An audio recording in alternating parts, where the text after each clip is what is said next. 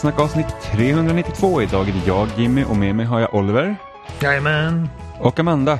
Halli hallå? Se, det gick bra den här gången man tog Amanda Jag, sist. ja, jag, jag, jag braceade mig själv för en liten sån här mental breakdown igen. En härdsmälta. Mm. Utan dess like. Jag blev så förvånad. jag är så förvånad. Oh. Jag vet inte vad jag ska ta mig till. Mitt namn har aldrig sagt sist någonsin. Jag blev chockad. Ja. Men jag måste ju bara säga det Amanda, när du gick i skolan så måste du ha varit ganska ofta bli uppropad först. Nej, Sten. i och med att mitt namn är Sten. Jaha, de körde på... Vi, jag har haft både och. Att ibland har de kört förnamnen och ibland har de kört på efternamnen. Ja, De har Allt varit efternamnen för mig. Ja, men jag har gått till så många olika skolor. Okej, det har jag inte alls gjort. Jag har gått till två grundskolor. Men det var lite olika ibland. jag, jag har gått i tre grundskolor. Så att, Varför tre? eh, första, klass, första skolan jag gick på hade bara förskola första och andra klass. Och sen nästa skola jag gick på gick, var det bara eh, förskola till femte klass. Och sen sista skolan jag gick på var det från sjätte till nionde. Ja, okej. Jag har alltid gått i skolor som har liksom haft från förskola till nian.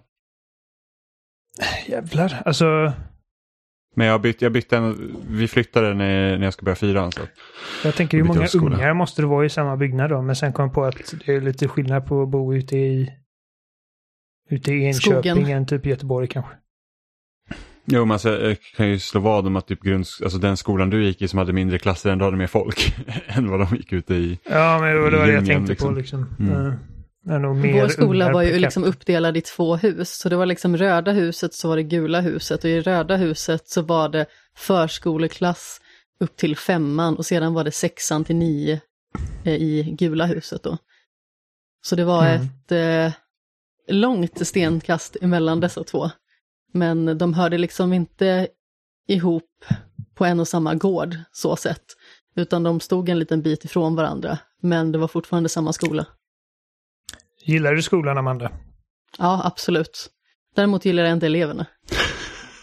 Nej, men du, var, du, du, du, du, tyckte ändå om skolan liksom. Att, eh, Ja, men absolut. Jag tyckte alltid att lärarna var väldigt bra. Förutom typ en kanske. Det var min tekniklärare. Hon var alltid så otrevlig mot mig. Men sen så naturligtvis så hade jag en och annan dust med eh, flertalet elever som var väldigt orimliga och otrevliga.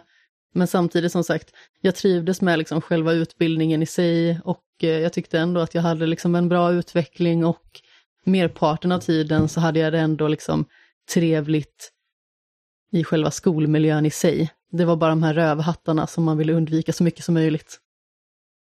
Jag hade mycket vänner, men jag hatade skolan. Alltså från he- hela skolgången. Precis tvärtom Mm. då. Ja, jag har varit, varit liksom en bara usel elev. Uh, vilket är, alltså det beror mycket på bara för att bara så jävla lat. Och för att jag, jag, jag var en sån som kunde liksom slänga ihop ett, uh, ett arbete på liksom, alltså på en dag. Alltså dagen innan påbörjat liksom stort arbete dagen innan det ska lämnas in och få MVG. Men jag bara liksom, jag brydde mig inte om någonting. Jag var inte intresserad, jag var inte driven, jag var inte... Så att mina lärare liksom bara, men fan, alltså när, när du försöker så liksom kan du. Det är bara att du, du bara gör det inte. Och jag bara, nej men jag, jag bryr mig inte. Jag var en sån Ja, jag var ju liksom verkligen slacker. raka motsatsen där. Jag var jätteduktig i skolan hela vägen igenom. Dock kan faktiskt- lätt neurotisk naturligtvis. Jag kan faktiskt tänka mig det. Liksom, jag ser det framför mig att du, att du var en bra student. Nej, men alltså som sagt, jag var liksom på den nivån att när det inte gick min väg, typ när jag hade ett fel på matteprovet, så var jag orolig att jag skulle få gå om. Åh gud. Och jag, det är en sån berättelse fått- som mina föräldrar alltid förtäljer Jag- för typ vänner och bekanta. Fått, eh, jag har inte fått godkänt på ett matteprov någonsin. Första försöket. Jag har alltid fått göra om dem. Det ska väl också jag- tilläggas att det här var ju liksom typ i trean, fyran eller någonting sånt. Och matte var liksom kanske inte min starka sida, utan jag har alltid varit lite mer språkligt och estetiskt lagd. även samma här. liksom som barn. Mm. Men nu måste jag bara fråga Amanda, var du en av de eleverna så att när läraren glömde bort att ni ska ha förhör så var du den som sagt så här, men ska inte vi ha förhör också fröken? Det skulle nog kunna ha hänt Åh var herregud, sån. det var ju den personen man absolut hatade. Man var så här bara, det man Varför? doppade i Varför? toaletten. Eller hur? Man bara, varför gör du så här mot oss? Men jag har ju tränat. Ja, vad bra för dig, då kan du det. Ja, men jag förstår ändå. Ifall man sitter och tränar så vill man ju för fan att det ska vara värt någonting. Ja, men Så då jag får man förstår. göra det nästa gång så har man liksom några dagar till på sig att träna. Plus att man inte fick ett nytt förhör man behövde kunna. Ja, men man tänker ju inte på det som barn. Det är inte precis som att man tänker, och nu ska jag förstöra för alla andra, utan då är det lite mer så här att, ja, men, Ja, jo, den personen visste precis vad hon höll på med. Eftersom hon fick höra det här varenda gång det hände.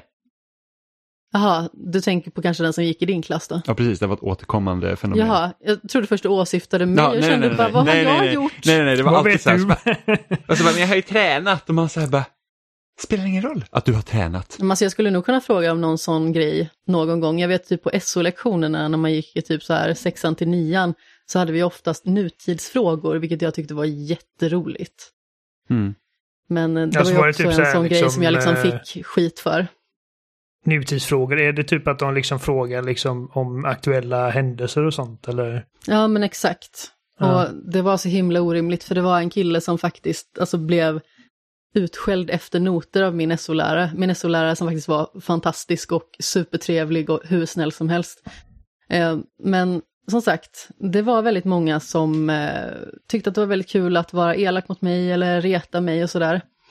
Eh, och när de inte kunde reta mig för vissa saker så började de liksom reta mig för sådana grejer som jag faktiskt var bra på. Bara för att det Mm. liksom skulle göra ännu mer ont. Eh, och då var jag väldigt duktig på de här nutidsfrågorna till exempel. Eh, och då fick man ju liksom skicka vidare sitt papper till nästa elev för att den skulle rätta. Och då började en elev tjata om att jag höll på att fuska hela tiden.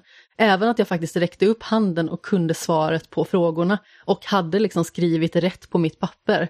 Och jag blev ju jätteledsen liksom, för jag vill ju inte vara någon fuskare. Hur ska man För fuska? att som sagt, Det är Du- liksom inte väl min identitet. Du hade Men inte, min lärare inte- blev rosenrasande. Ja, men det, det är bra. Man ska säga ifrån när man ser sån skit. Mm. Ja, men den här gjorde det liksom som en så här notorisk grej att alltid liksom vara elak och komma med den typen av kommentarer mot mig och min lärare fick liksom till slut nog och det var väldigt skönt att se liksom att någon faktiskt sa ifrån på riktigt. För som sagt, det har varit både en och annan lärare som faktiskt har fått liksom så här nervös sammanbrott för att vissa av eleverna var liksom så störiga och liksom så otrevliga. Jag kommer ihåg en lärare som började som ganska så ny, hon var 20-25, någonstans däremellan liksom. Och det var när vi gick i eh, början av mellanstadiet. Hon började liksom gråta på lektionen för att de var så dumma. Vi, vi har haft ett par sådana ehm, situationer också i vår skola. Med lärare som bara liksom går i väggen. Ja, men alltså det är så himla orättvist, samtidigt som man förstår ju att de gör ju sitt jobb och behöver egentligen hålla masken, men någonstans så brister det till slut och då fick ju Ja, rektorn komma in liksom. Ja, tyck, vad tyckte du om skolan Jimmy? Ja, jag tyckte, jag tyckte det var jättekul att lära mig. Jag har alltid tyckt det är kul att lära mig. Mm. Men jag, jag var nog den duktigaste slarven i min klass för att jag var ju så sällan i skolan. Ja, fast det var ju inte ditt fel att du inte var där. Du var ju sjuk också. Ja, men det var i gymnasiet, men eh, även i grundskolan. Jag tror typ i åttan på höstterminen. Nej, hela åttan så hade jag varit måndagar. Jag har varit två måndagar på ett helt läsår i skolan. Alltså enbart på två. Var inte det den typ så här föräldra eller föräldraskapsknep som dina föräldrar körde med att ifall ni inte skötte er så fick, fick ni inte gå till skolan? Ja, ja det, den har man hört många gånger. Vilket är helt absurt. Att, Andra föräldrar pressar ju liksom Ja, ja, nej, nej. sina Om, om, vi inte, om vi inte skötte hästarna fick vi inte gå till skolan. Eh, så att det, ja. Hästarna som inte var någonting som ni hade bett om, utan som faktiskt hade påtvingats er, även att ni älskade hästarna också. Ja, precis. Eh, men så, så, som sagt, så att jag, var, jag var inte ofta i skolan under perioder. Det var typ så här, alltså jag var borta minst en dag i veckan. Ibland så kunde det vara så här, speciellt efter lov, så kunde det vara så här att man haft höstlov och sen så bara, fan lite jobbigt att gå till skolan, så man var sjuk en vecka till, så man var två veckor borta från skolan. Gymnasiet hade jag sådär, jag tror att det var 95 procents närvaro och resten var giltig frånvaro. Ja, ja. Men, men alltså lärarna sa, alltså, det, det kunde inte göra någonting för jag gjorde allt jag skulle och jag låg alltid före. Så att när jag väl var i skolan så jobbade jag stenhårt och sen så, för att jag hatar att göra läxor och sånt, så jag vill inte göra något när jag kommer hem. Så jag, jag gjorde ju allt på rasterna och Jag, Men Alltså jag vet ju eh, att det kan låta så som att jag är liksom världens så här skolgullegris på något vis. Men jag var inte heller en sån liksom som tyckte att det var speciellt roligt att göra läxor eller pluggade liksom stenhårt, utan nej. vissa medel fungerade väldigt bra för mig att lära mig på. Alltså exempelvis liksom att bara att se och lyssna samtidigt. Det gick in väldigt fort. Det var därför nu när jag studerade lite i våras som det var väldigt svårt att hänga med, för det var liksom en väldigt död powerpoint med en lärare som pratade extremt monotont och det var jättesvårt att få det att gå in. Så då var man liksom tvungen att pressa in det, plus att man skulle läsa så här 600 eh, sidor, en hel bok i sin helhet och sedan en hel bok till som var kanske 800 sidor. Ehm, men som sagt, läxor var liksom inte så att jag satt och pluggade på jättelänge, utan jag försökte göra dem på rasterna och sen så var jag liksom klar. Och eh, kände jag liksom att det var någonting som inte gick fantastiskt bra, så försökte jag öva kanske lite extra på det, men jag var verkligen ingen plugghäst så som man skulle kunna tro. Nej, jag var, jag var som... Jag har båda era värsta sidor. Jag var, jag var ingen plugghäst, jag brydde mig inte om någonting och jag gick aldrig till skolan. Så att, alltså, jag, jag, jag sa till morsan bara... "Hej hängde då, på mamma, min nu går-" skola. ja, precis. En tio. Eh, Det är faktiskt Jag- jätteroligt att vi förmodligen har passerat varandra utan att veta om det. ja, garanterat. Eftersom att... Men du, du... Ja, du gick ett år under eh, min tjej, eller min fru. Jag, Eh, jag bytte ju skola efter ett år på gymnasiet, så jag gick första året när Jenny gick sista. Ja, okej. Ja, jo, men vi, hade, vi, har ju garanterat, för att det är ganska liten skola, en tioskola. Ja, ja, men absolut. Eh, så att vi har Två våningar med väldigt liksom kompakt. väldigt kort avstånd från varandra, in, långt innan, liksom många år innan vi lär känna varandra. Så det är spännande. Och Ja, just men att det är och min, jätteroligt eh, också. Ja, och sen att du och min fru delar födelsedag också, det är en annan grej. Precis. Eh, Sammanträffandena. ja, Nej, men jag, så att jag, jag, jag sa till mina föräldrar bara hej nu går, jag, nu går jag till skolan, sen gick jag någon helt annanstans och så gjorde jag aldrig mina läxor som jag skulle och jag bara sket i allting, jag bara orkade inte. Jag, alltså jag, jag var hemsk, jag var värdelös. Och jag tror att det är därför som jag liksom aldrig ens funderat seriöst på att plugga vidare. Även när jag liksom inte haft något fast jobb eller någonting så har jag bara nej, jag, alltså jag, jag, jag kan inte. Jag är värdelös på, på hela den grejen. Och just det här med läxor tycker jag liksom att jag vet inte fan, är inte det lite overkill liksom att all, all ens vaken tid ska vara åt liksom studier när man är typ ung. Jag vet att Jimmy, du, du lyckades liksom göra allting du skulle under skoltid, men alltså Mm. Jimmy är på något vis övermänsklig, Ja, men jag, jag. insåg ju, jag, tror, jag insåg ju så här, jag typ hade glömt träna på någon spanska läxa. Och jag insåg att jag liksom lyckades göra det på en tio minuters rast precis innan lektionen. Jag var så här bara, det här var ju behändigt. Så jag började göra, alla, alla prov jag pluggade på var på bussvägen Satte in. det i system. Ja, men på bussen in till skolan. Då pluggade jag på mina prov. Och det gick jättebra. Ja.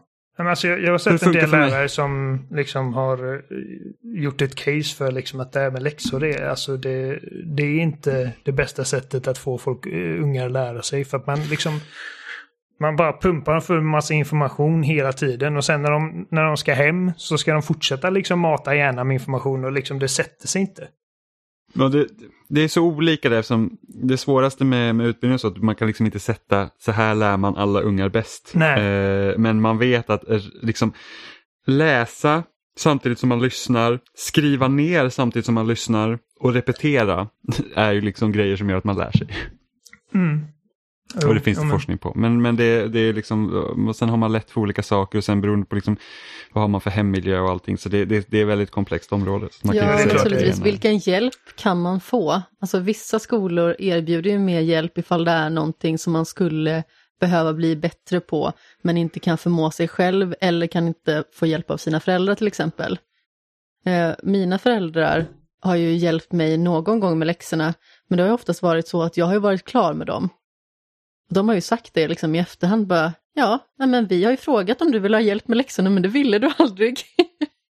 eh, så naturligtvis, vissa har ju en sån order att de vill bli klar med saker för att liksom kunna optimera resten av sin tid. Alltså i synnerhet eh, om man kanske har en sport som man ägnar sig åt. Både jag och Jimmy hade ju det ridsport eller travsport respektive bowling då till exempel. Eh, och sen visst intresse av videospel. Eh, men vissa kämpar ju verkligen med det där och skulle ju behöva ha mer hjälp hemma men kan inte få det. Och då måste ju skolan faktiskt göra någonting också. Det finns ju vissa som behöver så himla mycket mer hjälp men det finns liksom inget stöd att tillgå. Alla lär sig liksom inte på samma sätt.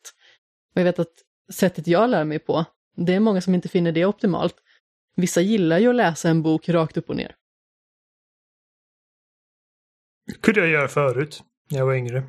Nu, alltså så här, i vuxen, vuxen ålder så är det nästan helt otänkbart för mig att läsa mer än ett par kapitel.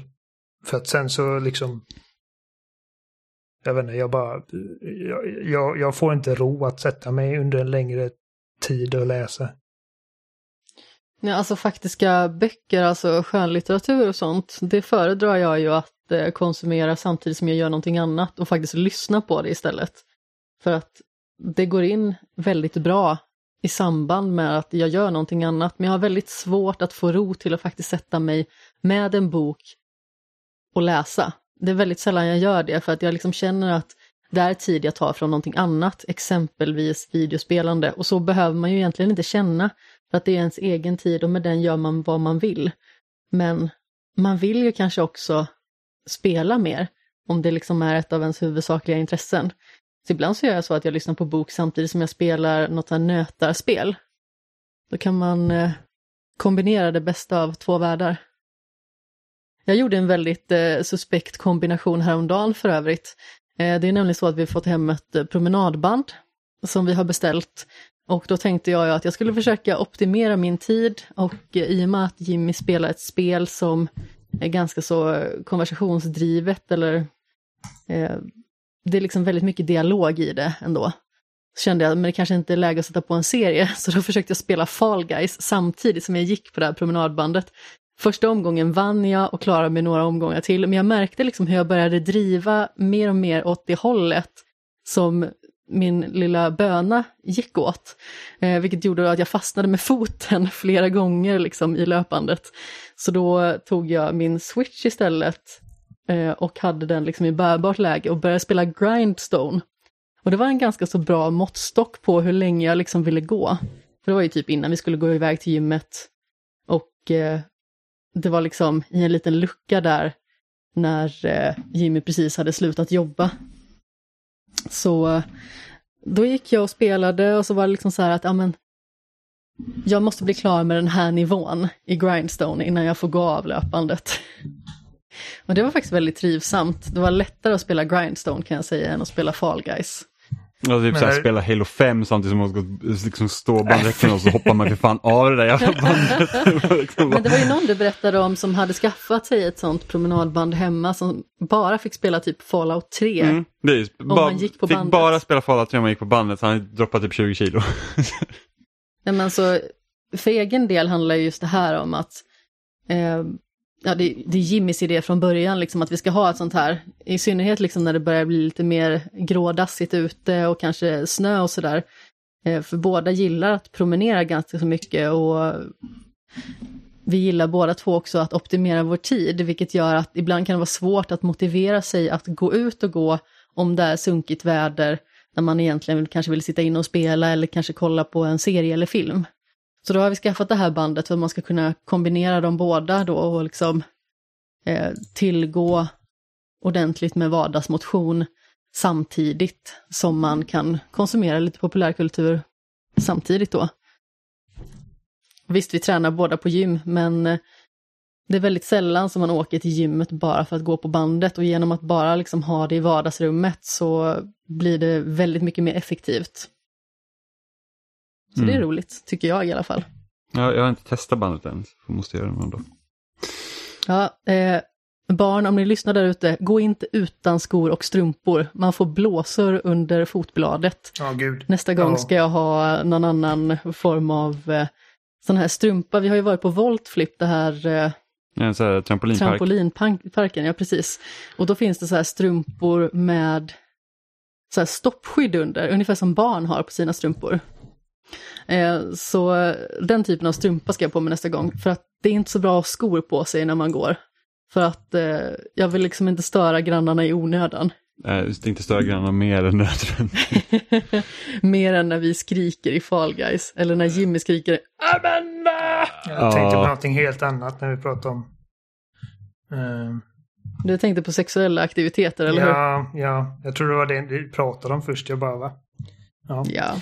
Ehm, Men, men Oliver, så här, varje månad på Xbox så kan man ju se så här hur mycket gamerscore man har samlat ihop sig som man kan se som är nummer ett. Och jag har liksom legat så här nummer ett på den här jävla listan den här månaden i typ tre veckor. Och sen så bara, åh, Oliver har typ 3000 gamerscore mer än mig helt plötsligt. Vad har hänt? what? Ja, det står att du har jättemycket gamerscores. Så vad har Oj, du har spelat? spelat. Jag vet Ingen inte, för, att aning. de, för går man in liksom på din profil och, och liksom jag försöker liksom titta vad är det för spel du har fått achievements i så kan jag liksom inte jag se det. Men har du spelat på Game Pass exempelvis via din nya dator kanske? Nej, det, Det var det jag tänkte också. Ja, det enda jag laddat ner på datorn eh, är Halo 3. Och där har jag inte plockat några achievements. Jag vet faktiskt inte vad jag...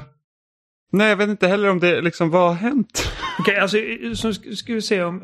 Tänker tillbaka. Jag spelade 12 minutes, men jag tog inte alla achievements i det. Jag Nej, har, men de har, där har jag kunnat se, du har typ så här 340 gamerscore eller någonting i det. jag har spelat... Klar, klarar du 12 minutes förresten? Ja. Visst var det kast? Jag, blev, alltså jag såg att ni tyckte det och jag blev lite förvånad för jag upplevde inte alls att det var kast.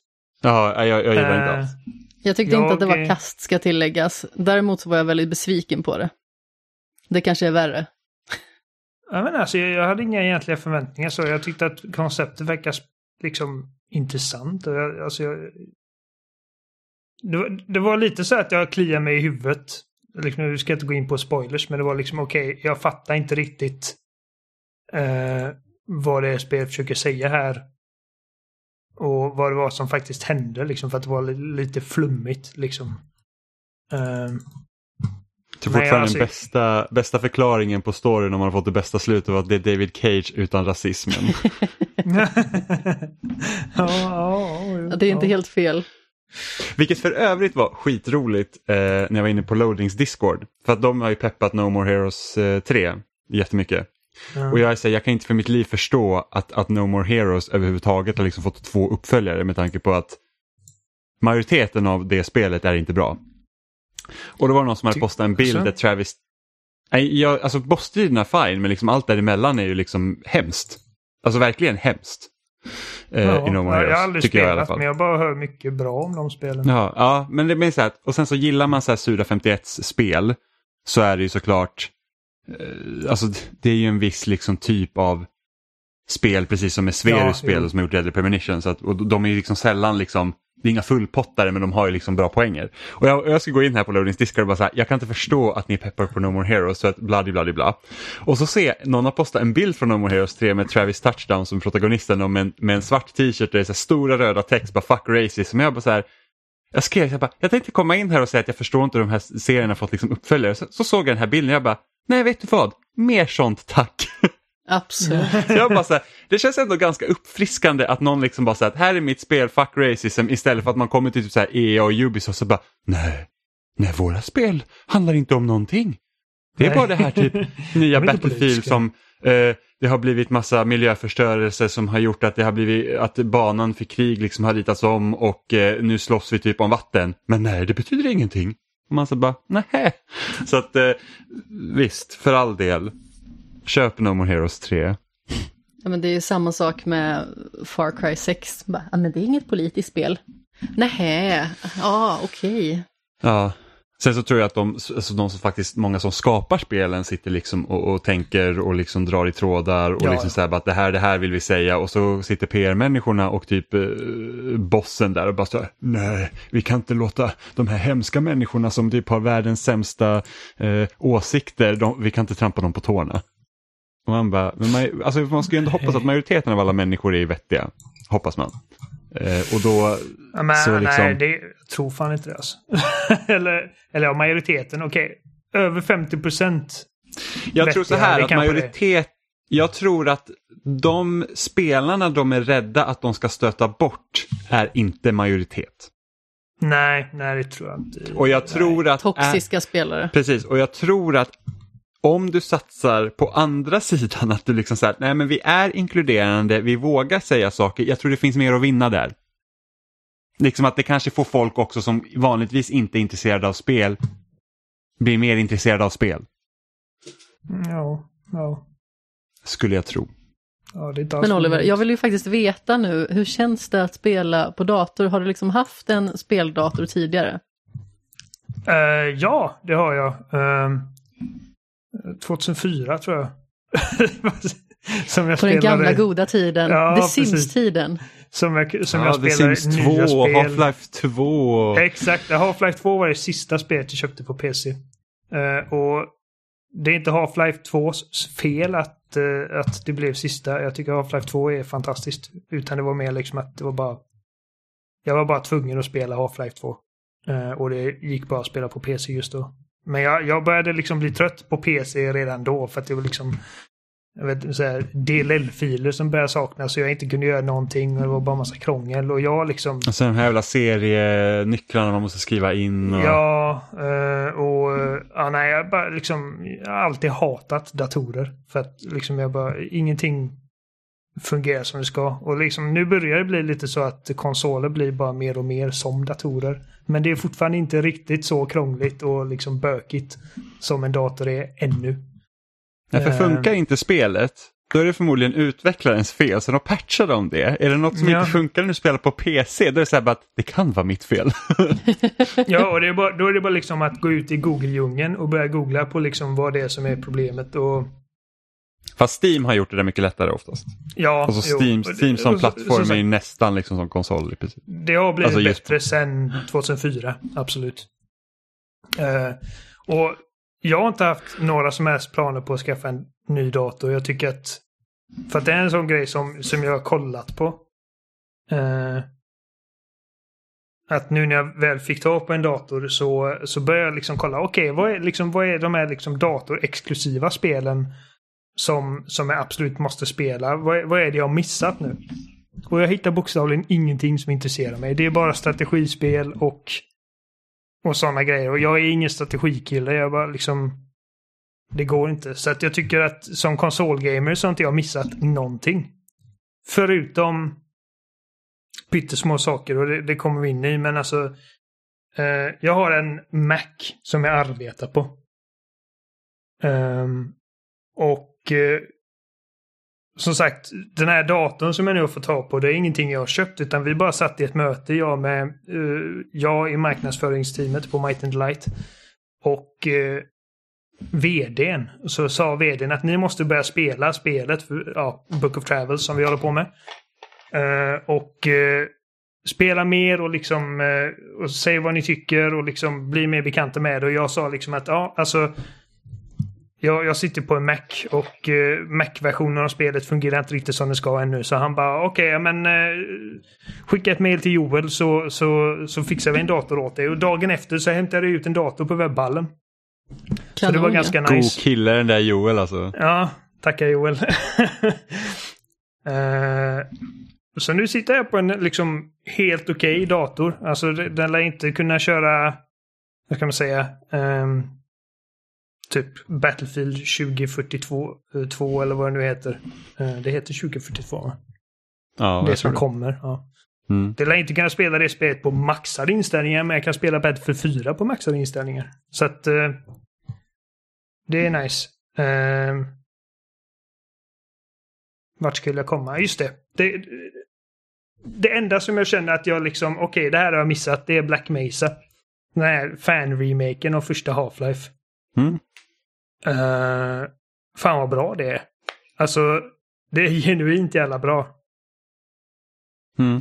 Jag har, jag har faktiskt aldrig klarat första Half-Life. Även om jag äger det och liksom försökt ta mig igenom det flera gånger så har jag alltid kommit till en punkt där jag liksom bara nej, jag, jag känner inte riktigt detta. Liksom, och den här remaken, Black Mesa, liksom har helt blåst bort de problemen. Det, det är riktigt jävla imponerande. Och jag vet att alltså, Valve har väl gett någon form av stöd till det. Ja, ja, men de har ju liksom, alltså det är så här att de har endorsat det i princip. Ja. Sen vet inte jag om de var liksom med i utveckling men de har liksom låtit dem få sitta och pilla med den uppdateringen hur Ja. de vill utan att typ så här, inte som Nintendo, de bara nej. Jag stänger ner allting. Har ni, har ni tittat snett ens på vårt varumärke då jävlar. Ja. Jag är nyfiken Oliver på det där spelet som ni jobbar på. Är det också datorexklusivt? Precis. Uh, Steam-exklusivt. Så det ska gå att spela på PC, eh, Linux och Mac. Ehm, Jag är Och- faktiskt, eh, Så lite mysigt ut. jag är faktiskt förbokat en Steam Deck. Ja just det, det har du ja. Ja. ja. Så att ja, det var när Mats var med och han var pratade om Steam Deck. Jag var så här, ja, alltså det, jag har ju ändå en del Steam-spel som inte går att spela någon annanstans. Eh, så att jag bara, ja men jag förbokar en så får man se då om jag... Finns The Sims via Steam?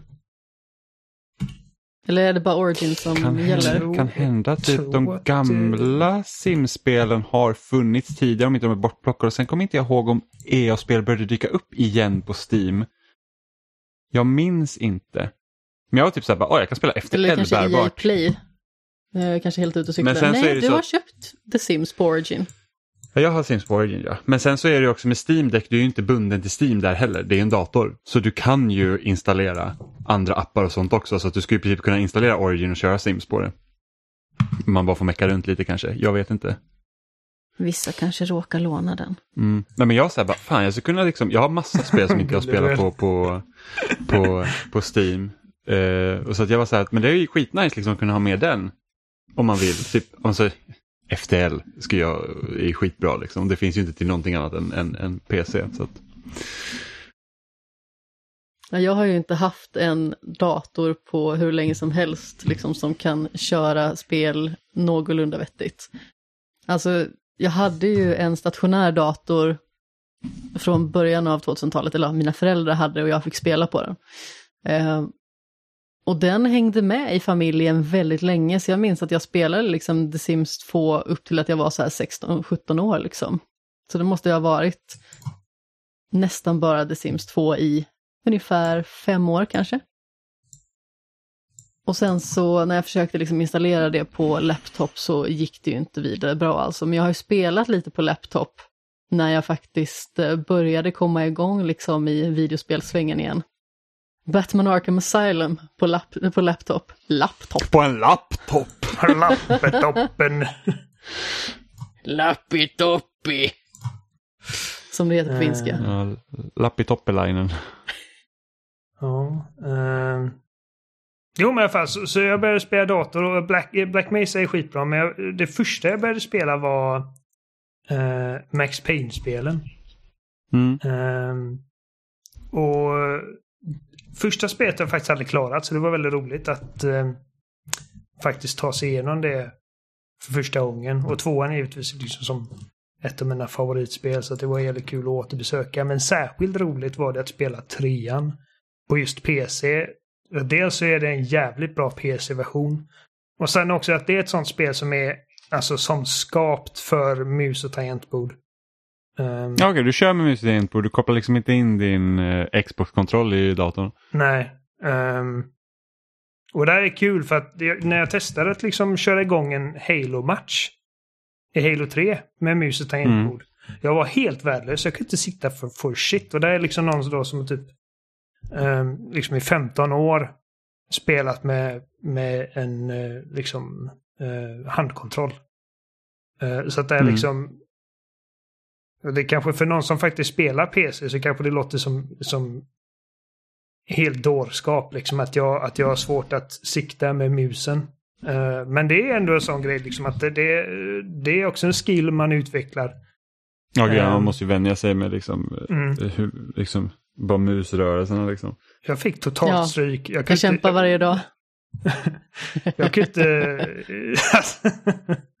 jag kunde inte göra ett skit på, på Halo 3. Och det roliga är att alltså, majoriteten av spelarna faktiskt körde med handkontroll även på PC. Mm. Eh, vilket jag tyckte var Fast det är intressant. crossplay på va? Jag tror det är automatiskt på PC. Ja, det är möjligt. Att, Mm. Ja, så var det säkert ju. Det är inte kul att möta PC-spelare om man kör på, på Xbox. Nej. Man ser att folk kör med mus och tangentbord, man säger bara ja.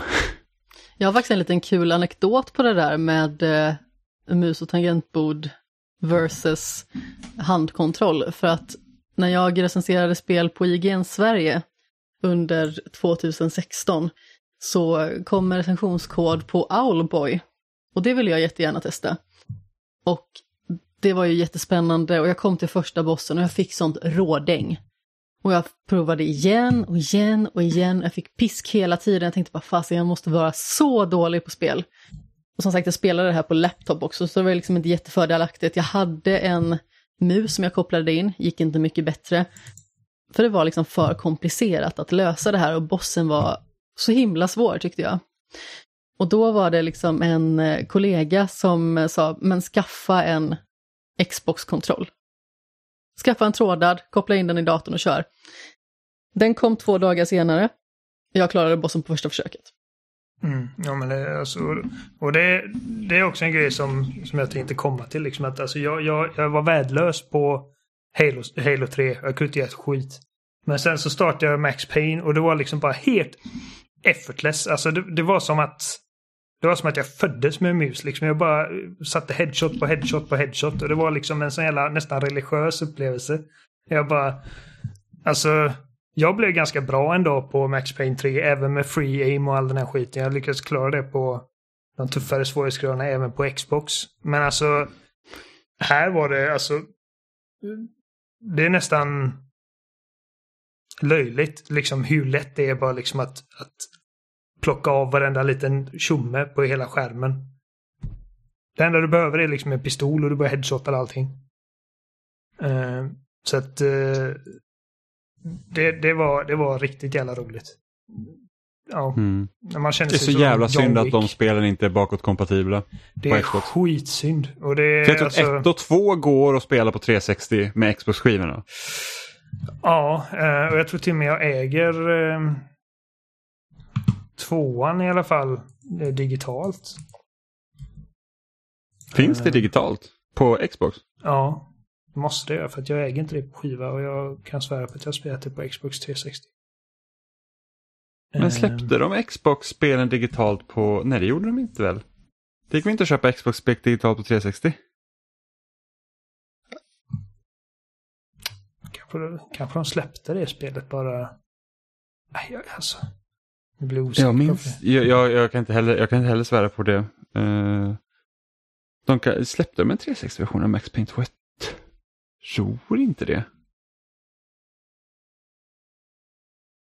Ja, vi får, vi får kolla upp det. Men, eh, men ja, jag håller med dig. Alltså, jag, jag önskar att, jag önskar att den här, liksom, för, att, för bara den här liksom, trilogin. Och jag vet att fans av eh, de första två spelen kanske inte är så här överdrivet förtjusta i trean. Men jag tycker om trean som fan också. Jag tycker, jag tycker alla tre spelen är riktigt bra. Och eh, jag... Eh, menar, jag är liksom skrikit om att få Max Payne 3 bakåt kompatibelt hur länge som helst. Liksom att det är typ det sista 360-spelet som jag känner att jag saknar bland listan av, av bakåtkompatibla li- eh, titlar.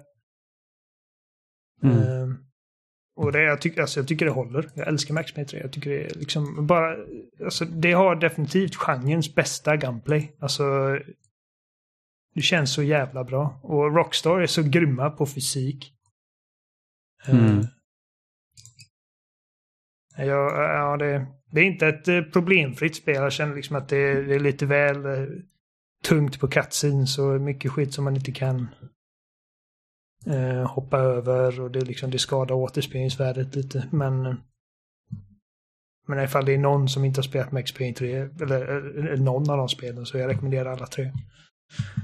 Det enda var liksom Mm. att man kan inte spela Max Payne 1 utan att ladda ner någon form av... Och, alltså det var ganska lätt att göra. Jag vet att eh, det var Adam som hjälpte mig, våran liksom inhouse eh, datornörd som kan allting. Han fick hjälpa mig att bygga upp den här datorn också. Jag hade inte kommit långt utan honom faktiskt. Eh, men han visste. Byggde liksom... du datorn själv? Nej, okej. Alltså, d- d- den kom färdigbyggd, men det var fortfarande liksom... Dels så fick jag ju köpa... Du hade en- valt komponenterna eller?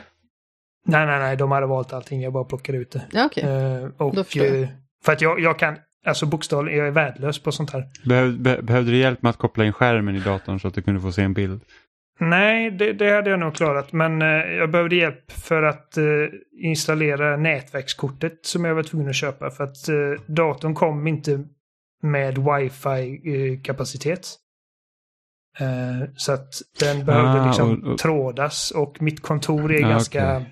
Liksom, alltså det, det hade varit alldeles för mycket jobb för mig att liksom barnsäkert dra en, en nätverkskabel genom hela lägenheten Mm. till mitt kontor där datorn är.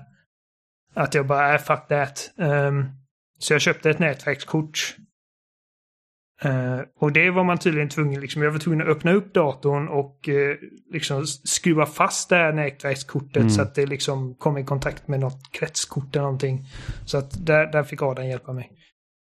Um, och sen fick... Uh, jobbet var att jag, det här kretskort, eller nätverkskortet började, kunde inte börja fungera och ta wifi förrän jag kunde koppla upp mig till internet och ladda ner drivrutinerna till den. Så jag var ändå tvungen att fixa en nätverkskabel och dra den. Ja, störigt. Men då kunde jag i alla fall dra nätverkskabeln, ladda ner drivrutinen och sen ta bort kabeln så jag slapp liksom eh, foga fast dem i, i eh, ska man säga, på att säga stuprännan, men jag menar eh, listerna. Mm. Ehm, Jag tror min, min senaste bärbara dator, eller inte bärbara, min stationära dator jag köpte för att jag har ju alltid, jag brukar alltid flytta, jag har ju en hårddisk som jag alltid flyttar med liksom när jag bytt dator. Och den var så jäkla, alltså de hade verkligen liksom så här tänkt att den här killen kommer inte öppna den här datorn. Så det var skitsvårt att få dit en extra hårddisk för att de hade liksom snurrat alla kablar på ett sånt sätt att man fick verkligen typ så här, typ nästan som en kirurg gå in Man och bara säga jag måste lyfta. Ja, det var skitsvårt att få dit den där hårddisken. Alltså, det, ska, det är inte svårt att lägga in en hårddisk. Men de hade inte planerat för att någon skulle typ göra det i datorn så att jag fick eh, stuva om lite. nej. Nej, min var en sån här typ eh, webbhallen-config eller vad de heter.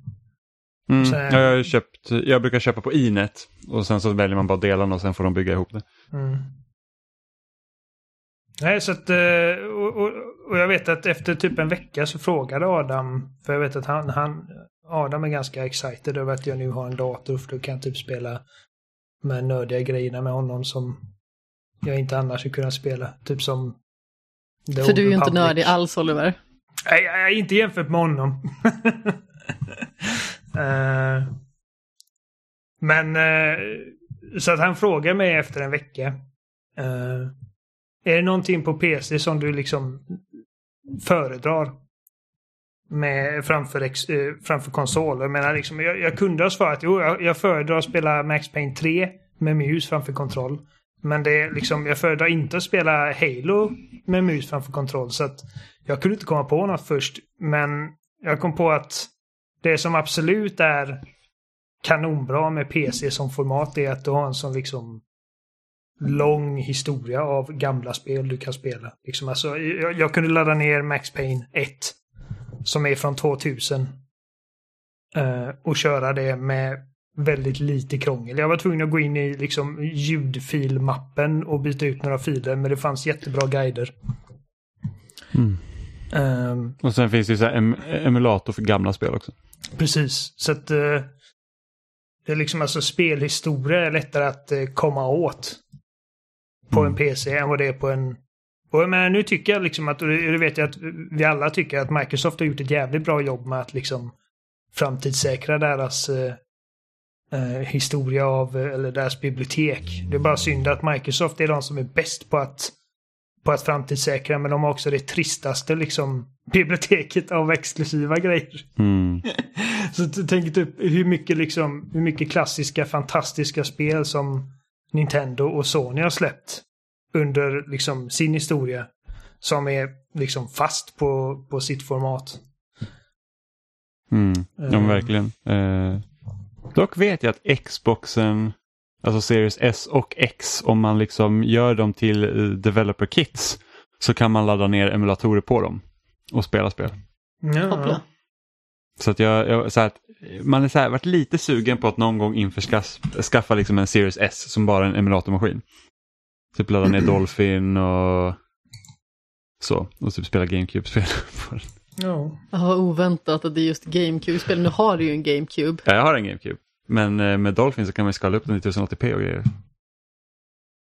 Jag har Dolphin, på min, viktiga. jag har Dolphin på min dator också. Så att... Jag fick det att funka med min tv, så här, koppla datorn till tvn, men av någon anledning så kommer jag inte ihåg hur jag gjorde för att det är någonting med Samsung TV-apparaten som gör att bilden bara flimrar hela tiden. Det är liksom den blinkar svart. Och jag löste det första gången jag kopplade datorn mot tvn och sen så glömde jag bort hur man gjorde så att jag har inte löst det sen efter det. Ja, det var ju olyckligt. Ja. Men Amanda, du hade ju spelat med Hades i veckan. Det har jag faktiskt gjort. Jag har spelat ganska mycket Hades när jag har haft eh, tid över. Ehm, jag har helt enkelt fokuserat lite mer bara på att eh, typ samla in gåvor från karaktärerna genom att ge dem nektar och pratat med alla hela tiden. Sen naturligtvis, ju mer man samlar och ju mer man testar, desto fler sådana här profetior löser, äh, låser man upp. Um, och sen så har jag liksom så här testat nya kompositioner och testat alla vapen liksom så att jag vet vad jag mest föredrar. Och jag måste nog faktiskt säga att jag står fast vid vad jag sa förra veckan om att min nya favorit är just spjutet. När jag spelade på Switch förra året så föredrog jag själv den av någon anledning. Men jag gillar spjutet väldigt mycket för att det fungerar väldigt bra i närstrid och det fungerar också bra på håll. Och sen nu den senaste rundan som jag spelade, precis innan middagen, då fick jag ett eh, trippelspjut skulle man kunna säga. Vilket gjorde det hela väldigt effektivt och roligt. Så det finns ju jättemånga olika kombinationer och det kan bli alldeles tokigt och det kan också bli helt fantastiskt. Och det är ju lite det som är skärmen charmen egentligen. Så det jag gör är ju helt enkelt att typ eftersträva att skapa så starkt bygge av attack och försvar som möjligt. Och även försöka att optimera boons, som det heter. Eller boobs, som jag har råkat skriva i mina anteckningar. Jag försöker inte optimera boobs. Eh, Även att eh, Boobs. de flesta gillar nog det. Nej men som sagt, jag har liksom försökt att leka runt väldigt mycket med det här. Och på Playstation 5 så måste jag säga att det är mycket lättare att plocka upp Hades och spela det på det viset. Jag tycker ju väldigt ofta att Switch blir mycket en bärbar maskin för mig. Och på så vis så är det väldigt lätt att Hades hamnar i glömska på den. Så som många andra spel. Vissa spel fungerar jättebra att bara plocka upp och spela typ fem minuter. Om man har lite tid över eller om man har en lunchrast och väntar på maten om man är ute och äter eller sådär. Men vissa spel är liksom svårare att ta till sig. Och jag tycker att det fungerat jättebra på Playstation 5. Och eh, jag känner hur liksom verkligen elden har kommit igång igen och blivit ännu starkare. Och jag kände så starkt för det här spelet redan förra året. Och förbannade mig själv över att jag liksom inte tog mig i mål. Men jag känner liksom att det är nära nu. Kommer det hända den här Och, eh, gången? Vad sa du? Kommer det hända den här gången? Tar du i mål? Jag tror faktiskt det. Alltså, det är fyra stycken områden med slumpmässiga rum i varje. Och jag har aldrig kommit förbi Elysium tidigare, som då är det tredje rummet. Och precis innan middagen så kom jag faktiskt till Hades själv. Och eh, ja, jag fick ju på nöten trots ett ganska värdigt försök. Jag dog typ i slutet av den första av två faser som den liksom slutbossen då är. Sen tror jag att om man ska få det riktiga slutet så måste man typ klara Hades tio gånger eller något Mm, sånt. jag tror det också. Jag vet inte om jag kommer göra det, men jag känner liksom att jag vill i alla fall ge det aset på nöten. Fortsätta samla saker, fortsätta att försöka få en så fullvärdig upplevelse som möjligt. Och jag tycker verkligen att det är magiskt bra och det finns så himla mycket sådana här detaljer och intressanta liksom, karaktärsporträtt i spelet så man eh, blir ju alldeles lycklig i själen. De har lyckats otroligt bra med det, liksom att ta en mytologi och sen så göra den till någonting eget. Men att verkligen liksom inte fastna i att det är roguelite.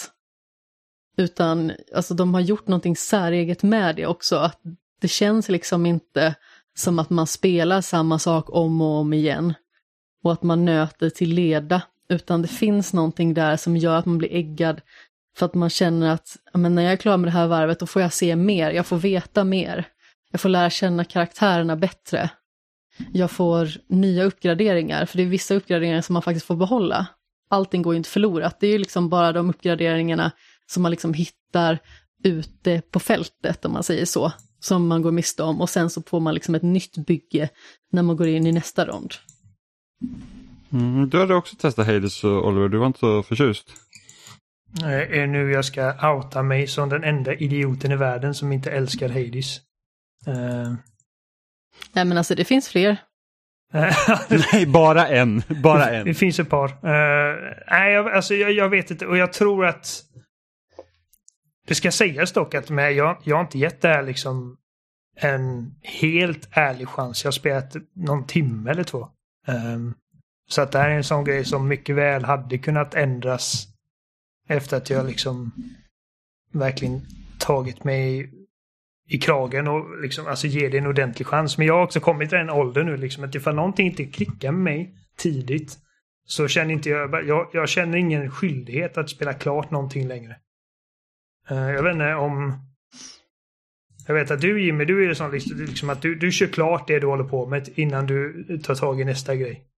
Är det fortfarande alltså, så? Oftast. Är, är det någonting jag... Alltså typ förra hösten så testade jag något så jävla Double Heroes Kickpedal eller vad det nu var som var något så här typ pixelspel rytmspel då som man liksom åkte på mobil och körde typ någon sån här rockkonsert vilket jag tyckte såg asroligt ut och det sög.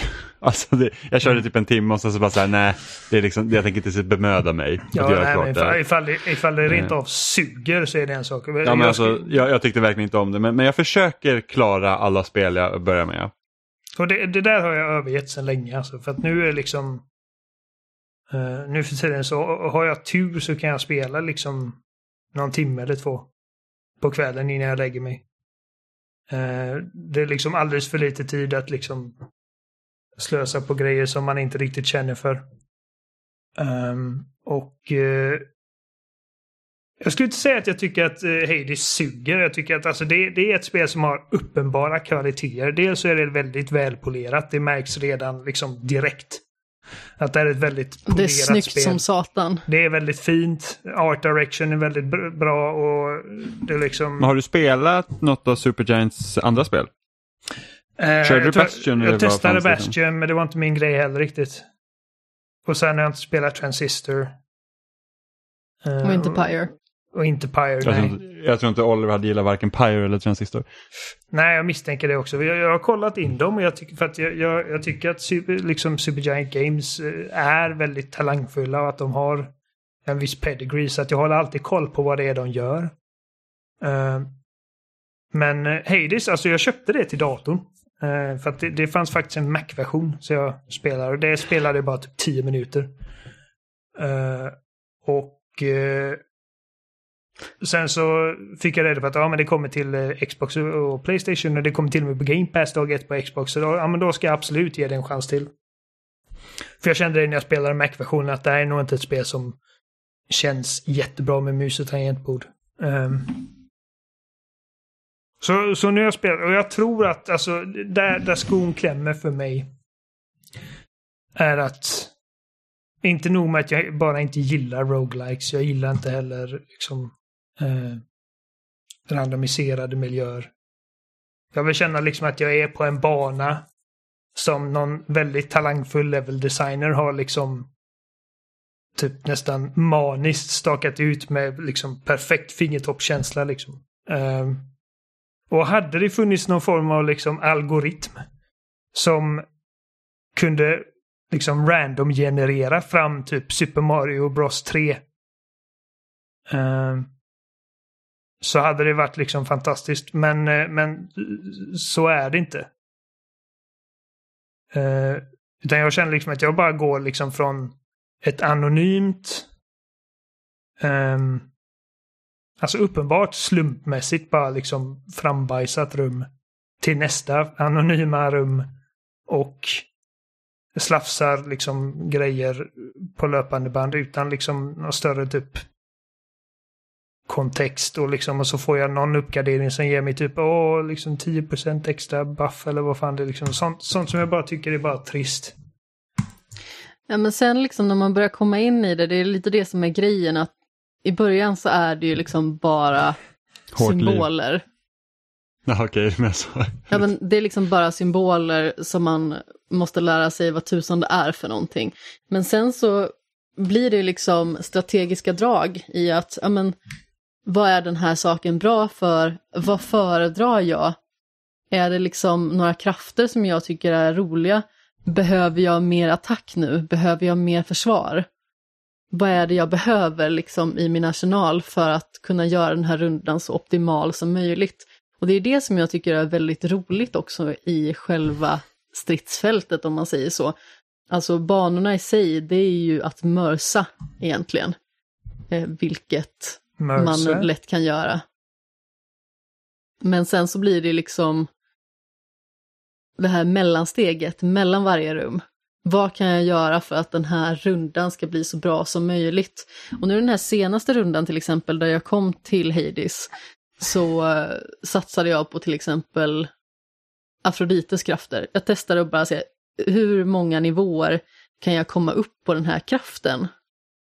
Och då började jag liksom eh, uppgradera hennes kraft och kom till nivå 10 på den. Och man märker ju liksom stor skillnad och då finns det ju liksom ett värde i det tycker jag. Liksom att man känner att man blir starkare och sen naturligtvis så är det ju som så också att i och med att man får belöningar på banorna så kan man ju göra sig starkare genom den här eh, valutan Darkness till exempel då. Så kan man ju gå till spegeln och helt enkelt uppgradera sig och bli bättre. Och sen så kan man ju köra God Mode om man vill för att liksom öka sin motståndsresistent helt enkelt. Men Eller finns det resistens. permanenta liksom, eh, sätt som du blir starkare eller bättre om man skulle säga? Ja, absolut. Alltså både via God Mode om man vill köra det. Alltså jag är ju inte så vidare bra på spel som jag tidigare deklarerat och jag har testat det. Eh, och jag tror att det nog hjälper en del. Eh, men sen så, Vad Precis är som jag sa gott? Alltså är tidigare. det att man är odödlig? Nej, alltså varje gång du dör så, så eh, bli, blir du lite tåligare. ja du blir lite mer motståndskraftig helt ja, enkelt. okej. ja. Lite mer resistent. Ehm, och sen precis som jag sa, de här uppgraderingarna som du får i spegeln, det hjälper ju också till. Och sen så finns det ju eh, olika typer, visst är det artefakter de Ja, kallar men det? precis. Så man kan liksom få så att, ja, men, så att jag vet att när jag körde på Switch, jag har inte spelat lika mycket på Xbox, jag har inte låst upp allt, men på Switch till exempel hade jag tre liv totalt per runda. Så Mm. du kunde liksom dö Ja precis, tre gånger innan det var liksom game over. att man lurar döden så att säga. Och Precis. sen så kan man uppgradera sina vapen, så det finns så himla mycket att pilla med. Och jag började inte pilla tillräckligt mycket med det på switchen, utan jag körde mest på. Men jag märker liksom vilken skillnad det har gjort för mig eh, och att jag känner att jag blir bättre och bättre hela tiden. När jag liksom har börjat pilla med de här sakerna och det är väldigt roligt och det är nästan lite så här beroendeframkallande. Men det är just Mm. det att det tycker man inte om liksom så att, att man typ börjar om även om man liksom inte börjar om på samma sätt som i en, en, i en riktig liksom Nej, det är ju inte som Rogue. att ta en new game. Alltså, Nej, men det, det är som, som Returnal till exempel. Var ju i Precis. princip nästan börja från noll tills man kommer liksom till mitten av spelet. Då, då, liksom, då blir det som en, en, en, en, en, liksom en, en restart fast liksom längre fram. ja. Eh, men det är fortfarande, man förlorar ändå väldigt mycket i Returnal. Och man börjar ju också om i Dead Cell som jag tyckte var ett bra spel, men jag tycker ju Men att finns också är mycket upp, bättre. där har du ju också permanenta saker du kan låsa Ja. upp som att du kan börja med andra vapen och lite sånt. Men, men typ Spelunky är ju, där kan du visst få, få eh, genvägar. Men det är bara att ta dig genvägarna så blir det också svårare för då missar du uppgraderingar och sånt du kan få innan. Men ju liksom, där börjar du. Alltså, och, och Returnal tänkte jag faktiskt också ta upp som för att alltså, det är också ett spel som jag till slut, jag kom till tredje världen och jag känner bara liksom att Mm. det, det är ett spel som frustrerar mig mer än någonting annat. Eh, Mm. bara för att det är just det här liksom att hade, hade Dark Souls tvingat bak mig till liksom den första så här, Firelink Shrine varje gång jag dog så hade jag fan hatat det spelet. Eh, och det är Mm. liksom... Jag har det, inte vågat testa Returnalen. Nej, alltså det är tufft. Um, förutom ifall man inte ifall man heter... Om man inte heter Stefan då som sagt. Alltså Stefan tar ju det i... Ja, det är sjukt. Alltså, händer. typ, Ja, men så här, jag dog Eh. åtta gånger och man så bara, va? Jag menar, mitt spel har Eh. kraschat åtta gånger så att det är liksom, jag är redan... Ja, Ehm, mitt spel åt upp min sparfil så, ja. och jag var i slutet. Och det, det är liksom för att jag, jag det, är ett sånt spel som liksom, jag är bara så jävla trött liksom att uh, ifall jag ens tar lite skada liksom eh, lite för tidigt så bara ger jag upp för att jag vet liksom att äh, fuck me. Jag har liksom redan typ sämre förutsättningar och jag blir bara frustrerad. Och det är ett spel som jag, alltså jag vet inte riktigt när eller om jag kommer plocka upp det spelet igen. Ehm, Mm. för att liksom, Jag tycker det- faktiskt att Returnal är typ ett av årets bästa, bet, alltså ett av de bättre spelen som har släppts i år. Ja, men Trots det- att jag inte har klarat ut det. Det är ett bra spel och, liksom jag, och jag Mm. kan identifiera det som ett bra spel. Menar, det känns bra, det är väl animerat, det är väl designat, det är väl avvägt liksom i, ehm, i tempo och sådana grejer. Det är, bara, det är bara just det här med liksom eh, typ random genererade banor och eh, att man tvingas tillbaka till Mm. ruta Dock- ett. Dock är det inte så slumpmässigt i Returnal för att eh, alla rummen är ju i princip statiska, de kommer bara i olika ordningar. Jo, precis. Men ja, Mm. där, där, där Det är som är att slå ju... en tärning lite grann. Ja, men Det- samtidigt så att jag hade ju önskat att Returnal inte var en roguelike. Jag med. Jag också. Jag tror att det hade gjort det mycket lättare för mig att faktiskt ta tag i det. Sen så är det ju ett spel som jag vill så gärna spela det, men jag är också lite rädd för det. Dels så vet jag att det är svårt. Och jag vet att jag inte är bra på spel. Naturligtvis är Hades också svårt. Men, Men- bra på spel, alltså det, det är ju har jag liksom ändå kommit Eh, igång med. Jag- Ja, jag- nej, men sen så är det så här, jag älskar Housemarks tidigare spel. Jag tycker liksom att Resogun och Nextmakerna och Matterfall, det är liksom spel som hör hemma på en liksom topp 100 av förra årtiondets alltså, bästa spel. Jag tycker att det är kanonspel verkligen. Men det här bär lite emot, för jag känner liksom att, ja, men det kommer bli svårt att vara jag. Det är intimidating.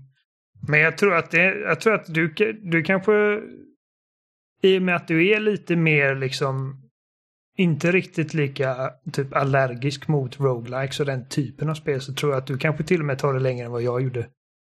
Ehm, Jag är ju lite småallergisk, men eh, Ja, okej. Ja, jag vet inte. ja, men det är typ så här, Dead Cells och Hades är de spelen som jag liksom känner att de har kunnat ta till mig. Framförallt Hades naturligtvis. Ja. Alltså, Jag gillar ju att nöta saker, alltså som sagt några av mina favoritspel det är liksom Celeste, Super Meat Boy, Super Mario Bros 3, det är sådana grejer som bara handlar om att göra saker så bra som möjligt. Sen naturligtvis Super Mario Bros 3 är ett lätt spel i relation till Celeste och Super Meat Boy.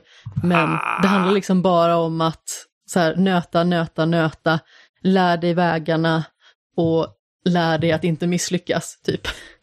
Och till alltså, slut så sätter man det. Moment to moment är väl kanske Super Mario lättare än Meat Boy. Men sen är ju Meat Boy liksom att ifall du tar dig förbi en skärm så är det okej, nu har du gjort permanent eh, progress liksom. Eh, Ja, ja, men det är helt sant. Alltså om man förlorar i Super Mario Bros 3, då börjar man ju liksom om från Ja. början. och det är att, lite eh, brunt, Men, jag har klarat eh, Super Meat Boy, jag har klarat Celeste, men jag har aldrig klarat... Nej, jag har aldrig klarat Mario Bros 3. Ja, Jag tror att Eh. Det var ett av mina stoltaste spelögonblick när jag till slut lyckades ta Platinum i Celeste. Men som sagt, jag fick ju göra lite så hjälpinställningar för att jag till slut skulle ta det. Men jag tycker det är intressant att du sa liksom du gillar att nöta, liksom eh, typ som Celeste och Super Meat Boy. Men jag älskar Celeste och Super Meat Boy och jag har liksom inga problem by default med svåra spel. Ehm, men ni vet att fan vad jag har nötat Devil May Cry exempelvis. Ja, Eh, gud ja. och jag menar alltså... Det roliga är att när du var hemma hos oss en av de första gångerna, så bara så här, ja men eh, jag testar att spela lite Devil May Cry 5 då. Man bara så här, har inte du spelat det här i typ så här 700 timmar eller någonting? Jo, minst. Och det liksom, jag har tagit eh, S-rank på alla uppdrag på alla svårighetsgrader. Och det, alltså det har varit Galet. en jävla massa nötande. Men jag känner liksom inte att jag blir bestraffad varje gång jag försöker, liksom, eller om jag dör eller om jag liksom behöver göra om någonting. Nu förstår- Om jag, om jag inte får S på ett uppdrag så är det liksom en, bara en tio minuter, en kvart jag förlorar högst.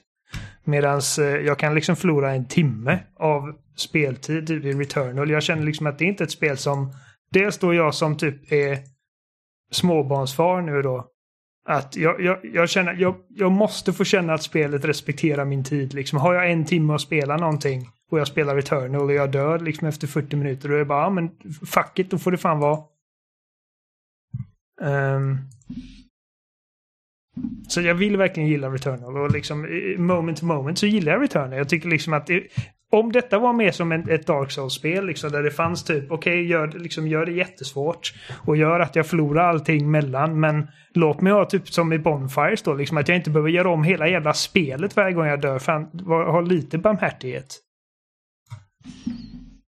Um, jag hade nästan mm. hellre liksom spelat Returner. Okej, okay, säg liksom att, att jag dör av, bara av att ta en träff. Men ge mig checkpoints. Ah. Jo, fan. Alltså det, det hade jag nog hellre tagit. För att liksom, det är som typ Devil May Cry, liksom, det där uh, svårighetsgraden där man dör av ett, ett slag. Men det är frustrerande, men det, det är överkomligt. För att det är liksom, ifall du blir, ska, blir du slagen så är det okej, okay, börja, om, börja om uppdraget. Det är typ 5-10 minuter av ditt liv. Um, men det är bara jag. Och sen också, jag vet att som du sa Jimmy, liksom att banorna i, eh, i Returnal är liksom att varje rum är liksom, de är ju handcrafted och de, de är ju inte random genererade.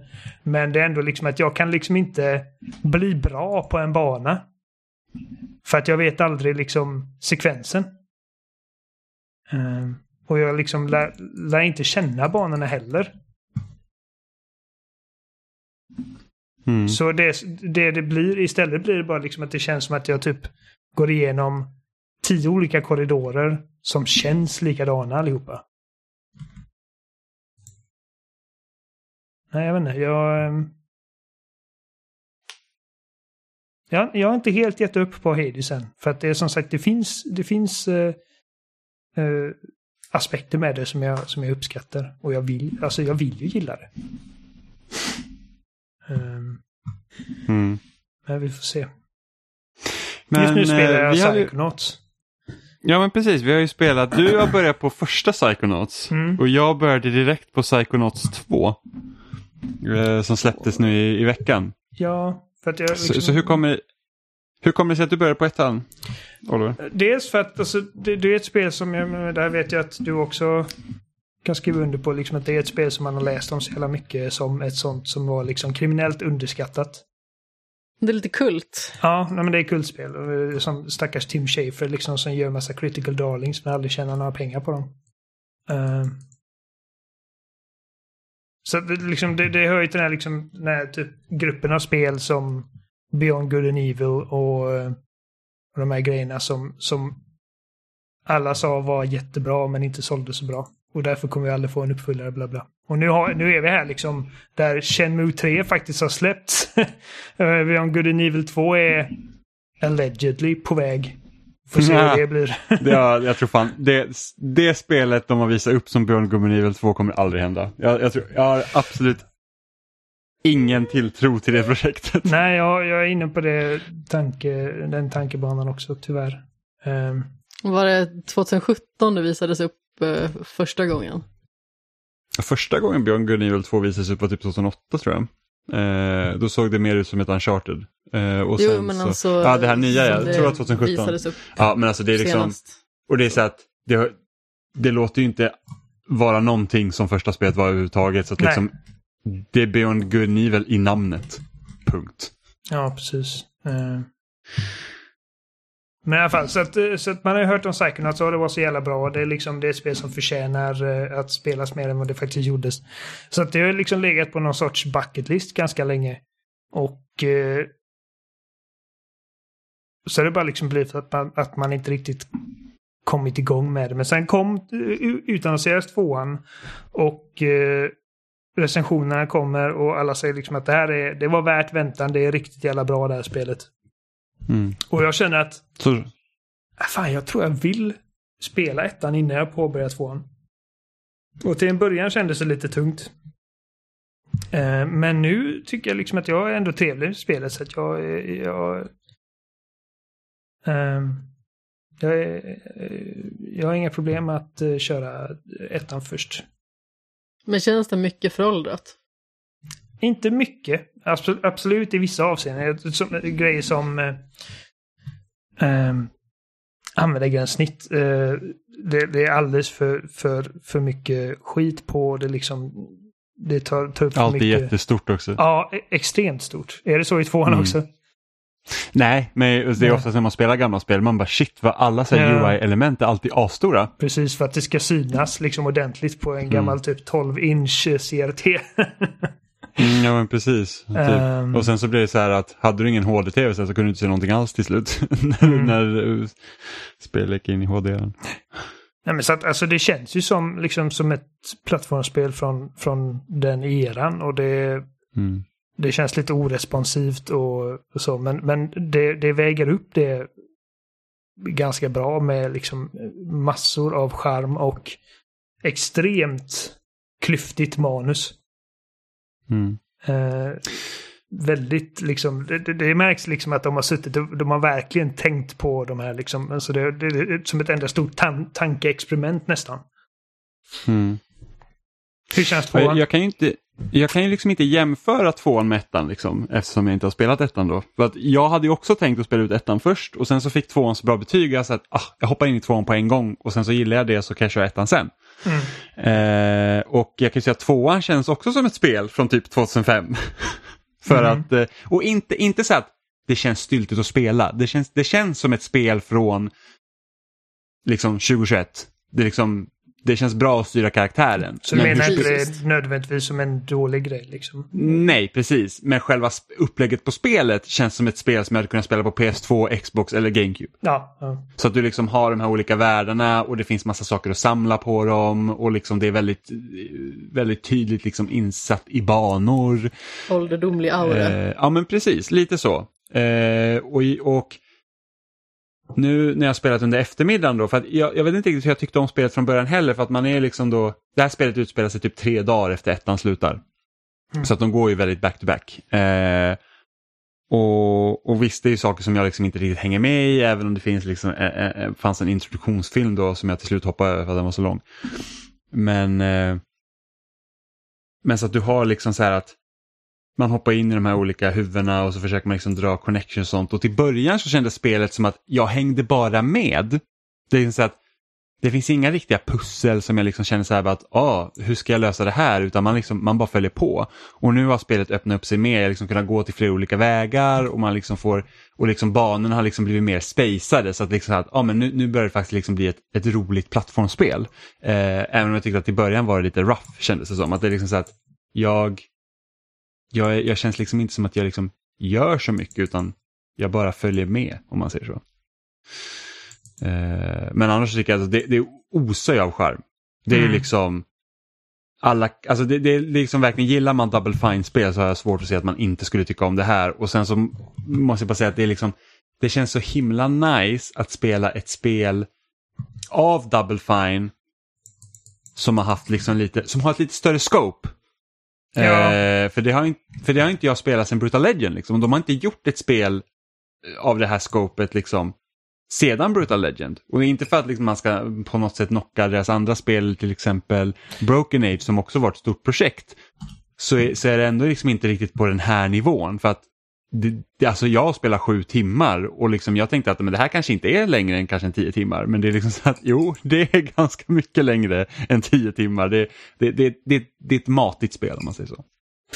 Ja, alltså jag kollade ju upp det innan jag började med spelet. Liksom, för jag tänkte, jag har ingen aning om ifall detta är 4, 6, 8, 10 eller typ 30 timmar. Så att jag kollade upp det och det är tydligen liksom bara för att ta sig igenom storyn så tar det ungefär i snitt 12 timmar. Mm. Eh, ettan då. Eh, och jag kände, okej, ja, men det är väl rimligt antar jag. Eh, lite är det liksom kraftigare lag, laget men ändå. Det är åtminstone inte 20 timmar långt. Och jag tror att jag, jag är väl sex timmar in ungefär, så kanske halvvägs. Mm. Och jag tycker det är en väldigt liksom charmig, mysig, men samtidigt väldigt... Nej, nu låter jag klyschig, men liksom lite brainy. Alltså intellektuell värld som de har målat upp här. Ko- ja, nej, det... det är ett speciellt spel så jag förstår varför det liksom har överlevt uh, The Test of Time bara sett till liksom Zeitgeisten med det. Uh, Mm. Så att det är, det är inte ett dussinspel. Det är, det är väldigt kärleksfullt gjort och skrivet och Mm. som sagt med det, ett tankeexperiment. Liksom att liksom Mm. gäng konstnärer och liksom spelskapare som har suttit i rum och liksom bara hur gör vi liksom en gameplay-utmaning av eh, någons liksom krigstrauma, typ. Mm. Ja men, men det är ju så. Alltså, det är, Eller alltså, liksom vattenfobi. Och- Ja, och sen tycker jag också liksom att när, ofta när man hoppar in, i alla fall i tvåan, när man kommer in i någons liksom sinne då, då, då är liksom världarna ofta ganska splittrade och liksom att det är precis som att deras hjärna har gått sönder. Liksom att, att, att Ja, det plattformar liksom har liksom rivits isär och det spelar liksom egentligen ingen riktig roll vilken typ av värld det är. De ser inte likadana ut men man kan fortfarande få det här liksom splittrade liksom sinnet som man kommer in i. Liksom att det, det här är någon som har liksom alltså, psykisk ohälsa och det Mm. gör också liksom att, att, de här då egentligen normala världarna har liksom gått isär. Så det tycker jag också är ganska eh, tjusigt. och temat med spelet känns ju liksom ännu mer relevant idag än vad det gjorde då. Um, Mm. Jag menar medan psykisk ohälsa alltid har varit en grej så det är liksom att det, eh, man pratar ju om det mycket mer öppet idag än vad man sätt. gjorde då. Ehm, Mm. Så att... eh, ja, nej, det, det är Absolut. Väldigt spännande tycker jag. Jag såg en sån idiotisk insändare på GP tidigare idag. Där rubriken var Var är alla som mår bra? Finns det inget nyhetsvärde i att man är stark, sköter om sig själv och är, är duktig? Det undrar Maria i sin insändare. Mm. Med eh, då fria ord, jag är så trött på allt prat om psykisk ohälsa. Alltså Det det gjorde mig så himla inte- irriterad. Det var en människa som inte alls förstår liksom, och aldrig haft den typen av problematik. Ja, men, det, men det är typ den här, det är typ så här bara, allt är bra, more news at 11. Ja. Ja, men exakt. Sen är det också så här att vad är det som säger att man är svag, inte sköter om sig själv och inte är duktig? Det kan man vara och det kan man göra, även att man lider av psykisk ohälsa. Det ena utesluter inte det andra. Det kan ju vara sådana grejer som att man är helt enkelt så att säga för duktig, att man är nitisk och att det är en sån sak som gör att man lider av psykisk ohälsa. Man kan vara hur ordentlig som helst, man kan vara hur stark som helst, men man kan ändå fastna i det där. Jag tror att... Och jag blir så himla frustrerad när jag läser en sån här text, för det här är en sån här strutsperson liksom. Sticker bara huvudet i sanden och vill att allting ska gå bort och vill försöka ignorera allting. Jag tror att alla som Man lyssnar på detta faktiskt, är helt med på noterna med vad du säger. ja, Alltså, Men man måste faktiskt ta itu med de hemska sakerna som händer i världen oavsett om det liksom är på individnivå eller om det liksom är i samhällen. Det är viktigt att bemöta det på ett eller annat sätt. Sen kanske man inte behöver gå in och läsa varenda artikel, men man måste faktiskt acceptera att det finns. alltså jag är så pass alltså jag är övertygad om att alla liksom i... Alltså det, det känns som att liksom ifall, man, ifall jag hade träffat någon som säger att nej men jag mår fantastiskt, jag, jag har inga liksom problem, jag, jag, jag, jag är bara nej, jag tror det inte. det känns som att alla har no, någon problematik. Jag menar alltså liksom... Jo men alltså, så är det ju. Och jag kan ju bara tala för mig själv liksom att jag mår jättebra idag.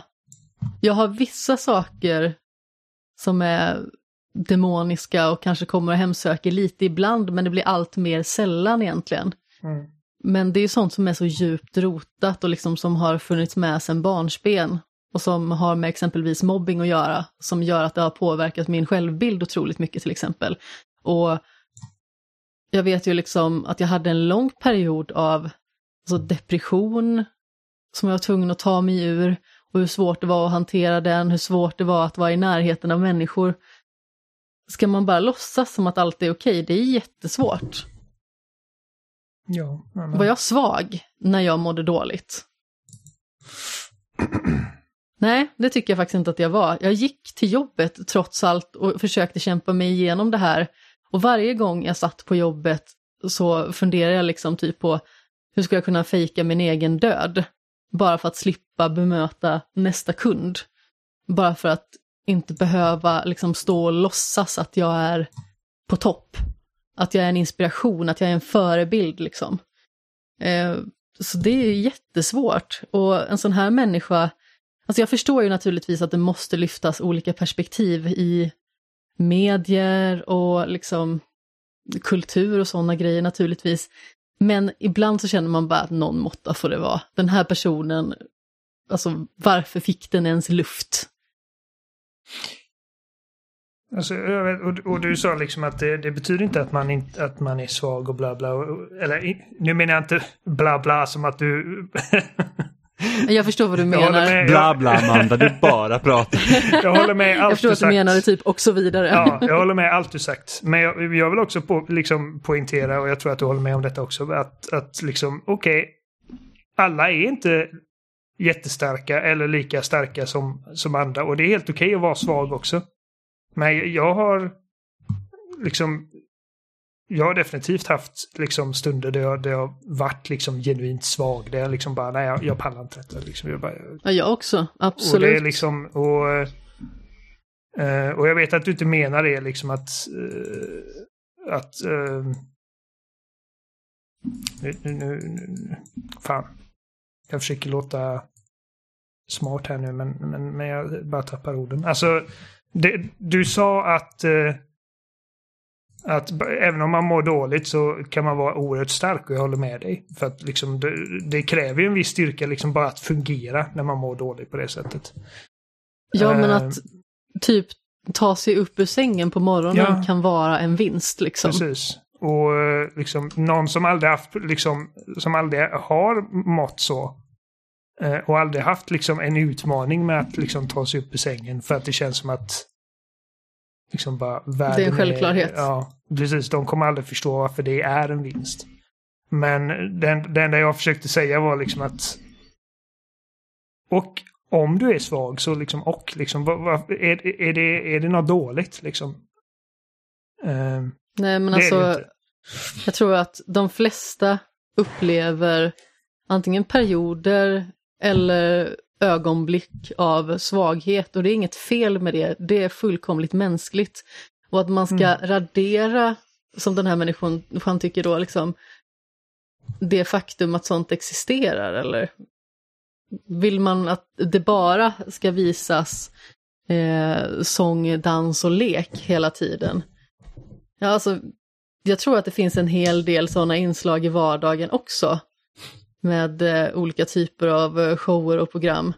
Det är inte precis som att allting är psykisk ohälsa, men det faktum att det är någonting som faktiskt mycket mer tas på allvar idag är otroligt viktigt och det är ju någonting som förmodligen hade kunnat rädda jättemånga liv bakåt i tiden bara för att tidigare så var det så otroligt stigmatiserat och tabubelagt att ens ta i sin mun liksom. Mm. Och det tror jag också är bra liksom att just i medier eller också i den kultur vi tar del av att man liksom delar med sig sina erfarenheter. Eh, för det var, ju, det, det, var ju så himla skumt, det var ju för eh, typ två veckor sedan nu när det här Boyfriend Dungeon släpptes. Som är så att man spelar som en person som dejtar sina svärd, så varje svärd är liksom en så här snygg karaktär eh, som man kan dejta. och, och då är typ antagonisten i det, i det spelet är en stalker. Och då hade ju utvecklarna haft någon så här typ ja, men när du startar spelet så bara, men det här spelet handlar om det här och det här. Och då hade de fått kritik för det för det var tydligen inte tillräckligt bra. Så de bara, ja men vi har liksom lyssnat på kritiken så vi uppdaterar den rutan så att den liksom förstår vad det mer handlar om. Och då blev det en jättestor kontrovers kring den här studien till att ett, folk ville liksom då att man skulle kunna stänga av hela den här stalker-biten för att de ska kunna spela spelet, vilket är så att... Då stänger du av spelet? Ja men precis, det är liksom så att spelet handlar inte, alltså det, spelet handlar om det här. Det är liksom, du kan inte bara stänga av den grejen för att, liksom så att det är för jobbigt för mig att se. Uh, utan det är så att då, då, då, då, ska du inte spela spelet om du inte orkar med det. det så då får du spela någonting annat ja, som du hellre vill alltså, spela. Alltså, jag, alltså, content warnings för all del men liksom så att du kan ta bort essensen av spelet. Uh, och sen så var det så här att folk började skicka hot och hat mot röstskådespelaren till den här då stalkern i spelet och sa att hur kan du, Just det. Hur kan du göra en sån här roll? Och då är det så här bara, då har det ju liksom, det har ju slagit helt fel. Liksom, vi kan liksom inte sockra bort allt jävelskap i världen för att det är liksom så Nej. att, ett, det är viktigt att dela med oss av våra erfarenheter. Två, vi, alltså, berättelser handlar ofta om konflikter. Det är liksom så att många som skriver berättelser, alltså man kan inte göra en sån simpel liksom läsning av material att det så här, bara för att man har en skurk någonstans, så är det så här, bara, ah, men då är författaren står bakom det här. Det är inte så är man liksom- analyserar texter. Sen är det ju så också att det är väldigt svårt att ha hjältar om man inte har skurkar, om vi liksom bara drar det rätt och slätt. Sen så finns det ju nyanser av det här också som går att brodera ut så otroligt mycket. Men om vi tar skådespelaren som eh, tog sig an rollen som eh, Joffrey Baratheon till exempel. Ja men precis. Han fick ju så mycket skit och var så förknippad med den rollen att han slutade ju skådespela. Mm. Och jag menar, någonstans så går det ju lite, lite grann för långt för att Alltså, det är ju klart naturligtvis att en skådespelare kan förknippas väldigt mycket med en roll. Men det är också en roll. Man porträtterar någonting. Jag, jag har ingen sympati för sån skit. Alltså, Ja. det, Nej, men- där är... men Det Det är, är liksom så så här- orimligt. Men det är liksom också när det blir så här typ att den delen liksom av, en, liksom av massan som liksom, ja men vi ska vara så inkluderande och liksom det här att ja men det är bra att vi liksom har så här att vi säger att det här är liksom känsligt material, liksom att vara beredd på att det kan komma obehagliga scener eller vad som helst. Och sen liksom slår det över för långt att det liksom så att nej nu ska inte det här finnas. Ja, och det är så här bara att nej, så funkar inte det. är liksom Boyfriend Dungeon är liksom inte hatred till exempel där det var så att Nej. jag tycker feminismen har gått för långt och nu ska jag få döda massa färgade personer för att jag är en vit man. Jag tycker det ska vara så. Liksom, det är helt annorlunda. Och liksom typ när man analyserar andra texter, liksom att hur man har sett på samhället och liksom så här, att de här typ negativa stereotyperna, liksom att det är inte alltid tydligt när liksom vi porträtterar saker skadligt och det är därför man analyserar texten säger liksom att okej, men så här har det sett ut, det här är varför det är problematiskt, men det betyder inte det att det ska raderas. Eh, så det blir så himla skevt. Liksom, liksom, och sen liksom att, att ofta är det de här liksom typ så här, liksom mindre studior, de liksom nästan hålls till en helt annan standard än större studios. För att det liksom är lättare att på något sätt typ attackera de här få personerna. Så att det är liksom bara så att Det är mer tillgängligt på något Ja, vis men så att det- det är gå liksom till angrepp mot deras verk. Ja, ja, och jag kan liksom inte förstå, jag kan förstå att liksom säga att jag orkar inte ta del av en viss typ av text för att det är jobbigt för mig. Men jag kan liksom inte förstå den här delen att man liksom säger att det borde inte förfinnas för att allt borde vara fluffiga rosa moln och regnbågar. Nej, Liksom att allt ska vara så himla glatt. If- Ifall du känner så, då får du, fan ge, då får du ge fan i att liksom spela grejer eller kolla på film eller läsa böcker. Kan ni komma på... Ja, men som sagt, det är ju ens eget aktiva val då Ja, som styr. Och det är helt okej och jag respekterar det. Men alltså, den här skiten är fan, det är fan löjligt. Och kan ni komma på någon bra berättelse någonsin som inte har haft någon form av konflikt? Nej, för att eftersom Nej. berättelser liksom, liksom uteslutande handlar liksom om Det konflikt. Det, existerar är därför inte. man berättar någonting, för att det finns liksom en, en, en sån sorts av... ehm, det finns en, liksom en, en, en eh, Ja, nej, nej men det, det, alltså det, det Något som existerar ska- inte. skär Jag tror liksom fan i inte det. det existerar. Eh, Nej men det blir liksom så himla liksom märkligt att den här lilla studion då liksom hamnar i sånt form av blåsväder på grund av det. Liksom. Och de var så här, oj, oj men vi, liksom, vi kanske inte har varit tillräckligt tydliga om vad spelet handlar om så att vi kommer uppdatera den här texten så att, liksom att sådana som har liksom råkat ut för att vara förföljda eller liksom haft ett riktigt jävla dåligt förhållande som gör att de är typ ärrade för livet, att liksom de, de vet om vad de ger sig in på. Ja, liksom, det är fine, det tycker jag absolut att man kan göra, men liksom det här med att Nej, det här, liksom att röstskådespelaren har tagit liksom en roll och spelar skurk, det är liksom, då är det en hemsk människa, man är liksom inte sina roller. Det är liksom typ att, om man sa så här, Heath Ledger, han spelar Joker och man bara, vilket jävla, alltså, oj, vilken hemsk människa. Han Nej, kan men- spela men sån. bara- Han måste ju vara så, liksom, det är helt absurt. Vad är det för idioter? Alltså, Ja, ja, men det är liksom, då, då slår det över. Då, då har det liksom slagit, då har det liksom slagit över åt fel håll och på andra sidan. Ja. Så det känns liksom väldigt mycket som att de här människorna, de har för lite problem i sitt liv. De skapar problem för sig själva ja, på något vis och, med det det, här. och det är återigen, det finns idioter på alla sidor. Eh, Absolut. Det finns, Mm. det finns liksom, liksom det, det är sådana människor som, är, alltså, som, som gör att det blir svårt att ehm, Alltså som förstör det, liksom, som förstör den konversationen. Genom att liksom dra allting till en liksom bara ridiculous eh, liksom spets. Ja, men i- och ibland så, så tror jag att det, liksom, det blir nästan så att man vill visa att man är så jäkla duktig. Ja. Liksom att man, man liksom, man, man, man rör upp drama i onödan för att man vill visa att man är så jäkla duktig. Mm. Att man tänker på Tänk allt på och de alla. stackars, Att det blir fel. eh, människorna som kan bli offended över detta. Men då, det är, liksom- då, det- då är det det är fan liksom- liksom ditt ansvar som vuxen Men det är ingen människa. som tänker på folk som har varit i krig med tanke på hur mycket liksom, krigsskildringar det görs hela tiden. Ja men precis, liksom, utan det är liksom, då, då, då, är det liksom för, det, är liksom, det finns liksom ingen analys i, i situationen överhuvudtaget. Det är liksom, man har liksom helt missat grejen med liksom media. Nej, men alltså det är ju verkligen helt absurt. Och naturligtvis, verk ska kritiseras, men som kritiker måste man ju någonstans ställa sig själv frågan, är den här kritiken rimlig? Eller är det bara jag som har en dum fix idé? Oh. Det är så märkligt. Dumma människor Men, har eh, svårt att, eh, att eh, liksom ha den, ska man säga, självrannsaken. Mm. Eh, Det är väl det som är problemet, att den typen av människor också tar väldigt mycket luft. Ja, men det är, det är som, det är som andra, andra sidan av argumentet. Där finns det ju också sina jävla idioter och de tar ju också upp mest luft på den sidan. Det, Jo, absolut. Alla, det är idioterna som får mest luft. De är liksom syretjuvar. Ja, men det är ju som den här situationen i Afghanistan nu till exempel. Jag såg liksom så här någon på min jävla Facebook som hade delat typ så här något skämt så här bara, ja ah, men vi, de kommer hit till Sverige för att de flyr från landet, sen åker de på landet på semester och nu ska de fly därifrån igen. Och man bara, alltså man har ju typ lust att bara så här, ta alla bilder man har sett liksom från så här reportrar så bara, här är liksom semestern du skämtar om liksom. Det är folk som dör. det är liksom, alltså jag, det är så här människor, jag, jag tror inte ens de liksom kan inse ens liksom vad det är för hemskheter som händer. Det är liksom så här att det, Nej, är- förstår inte du vad folk faktiskt flyr ifrån? De är liksom eh, shielded från allt hemskt. De har liksom... Ja men det känns ju som det, liksom, det finns liksom ingen verklighetsförankring i de här människorna överhuvudtaget. Det enda de har sett Liksom- är liksom sitt fridfulla liv på eh, typ eh, Saltkråkan. liksom.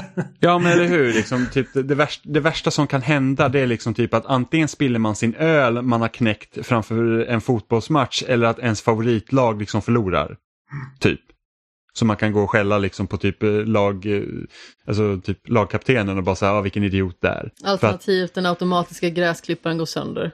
ja, så att det är liksom bara så här att Gud, lite perspektiv. Det var den här människan som skrev, jag vet inte om det var en insändare eller om det var typ en tweet, men han sa liksom att jag och dottern satt på spårvagnen eller bussen eller tåget eller fan det var. Och jag märkte att ingen på vår vagn pratade svenska. Vad är det för jävla... Jag bara, vem fan bryr sig? Liksom, varför är det en sån hemsk sak att det liksom inte bara är blonda svenskar liksom där du bor? Men Ja. hade de pratat engelska så hade det inte varit några Ja, konstigheter säg- enligt den här säg- personen säg- förmodligen. Men säg även bara det, hade den här personen hoppat in i en spårvagn med bara finsktalande människor? Han är förmodligen inte tweetat den tweeten. Nej. För att de människorna Utan är, det är liksom förmodligen det inte typ, bruna. eh, Liksom. ja, det är bara, jag gillar inte araberna. Men jag gillar inte bruna människor. Nej. Ehm, Det är, liksom, det, det är det man kan liksom koka ner till. Jag gillar liksom inte det, det de, de brandar då som utlänningar. och liksom, okej. Det vill säga de som och inte ser ut som jag. Det fanns en halalbutik på min gata nu. Usch vad hemskt. Men gå inte till den Mm. butiken. Men, favori, men favoriträtten är kebab liksom. Precis. Precis. Den svenska nationalrätten, kebabpizza. Vi måste bevara den. Jag måste bevara Ja. den svenska kulturen. Vart kommer kebab ifrån? Vänta nu. Ja, så att det, det, det är så bakvänt. bakvänt. Och sen är, men, men eh, det är liksom... eh, Och, det, och där har vi den sidan av argumentet. Sen har vi den liksom eh, också det där dumma återigen på motsatt sida. Som till exempel med Palestina och... Eh, eh, hjälp mig. Eh, b- b- b- b- ja. Israel. Israel. Eh, Liksom att okej, okay, men vi kan inte kritisera dem för att det är judehat och det är liksom också bara, ja men fuck you. Ja, nej, nej, det, det, det finns gott om judar liksom som är emot genocide liksom. ja, gud ja. Så det, det, är liksom också så här att nej, det, nej, så funkar inte saker och ting. Liksom. Det, det, kan inte, det är liksom så här att, ja men Israel typ, här har vi typ tusen stycken palestinier som dog, men vi kan inte säga att det är fel för att då, då är man, då är det judehat. Det är antisemitism. Det, det, ja precis, det, det, nej. På samma sätt inte. som man, man kan... inte ska liksom börja förfölja judar här för att de judarna i Palestina är liksom, ja nej. Nej, nej men det, det är liksom, så att världen är inte så enkel som många nej, tror. Nej, det är inte svart och vitt. Ja. Men alltså typ när det kommer till liksom att öppet prata, nu, nu går jag tillbaka till vad vi pratade om för en stund sedan, men liksom när, om att öppet prata mental ohälsa och grejer. Uh, jag har gjort mig skyldig till att liksom, alltså jag har kommit på mig själv med att Typ, jag har läst typ någon tweet när någon sagt liksom att bara, Åh, jag har sån jävla ångest idag för att liksom jag blev triggad och typ min, min PTSD triggades när jag såg typ någon prata om att de fick avliva sin hund. Och det triggar mitt minne och min PTSD från när jag fick avliva min hund och jag bara kände typ äh, sluta den jävla tönt. Vad fan är du för jävla din mesiga jävel? Och sen liksom kom jag att tänka på det liksom flera veckor senare att jag bara men vänta lite nu, varför, varför ska jag lägga mig i om vad den här människan upplever triggande och liksom vad som var jobbigt för den här personen. Så att, det är så extremt subjektivt. Ja, jag menar liksom, alltså, för att då, då skakar jag loss det som att, vad fan, jag har avlivat så många djur. Eller inte bokstavligen jag med mina händer, men liksom... jag... Gud! Det finns en helt annan bild av dig Oliver. Det var tills Oliver så här bara typ, så jag kom hem och han så här vässa yxan. Nej, men jag har haft djur hela livet. Ska du lämna liksom, Fido på eh, besök? Eh, och man har liksom förlorat liksom vänner. Typ. Jag menar, min första hund var en golden retriever. Jag saknar fortfarande den hunden, men jag känner liksom att... Och det, det kommer också från liksom att jag aldrig öppet liksom...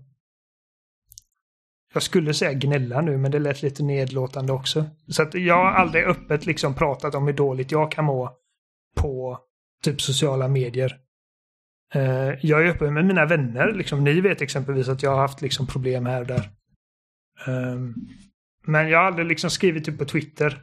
Och liksom jag har folk som jag känner som, som är väldigt öppna med liksom att de, de skriver på Facebook bara Idag mår jag så jävla dåligt att jag nästan vill ta livet av mig. Jag tycker att jag är så jävla dålig och jag känner att ingen liksom Ingen vill vara med mig och bla bla. Och så kommer liksom alla och bara Nå men så är det intressant. Och jag tittar på det och bara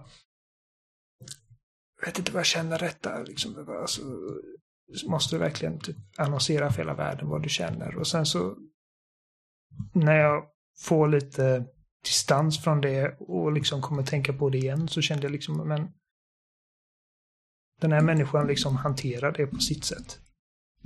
Mm. Och det är liksom inte min...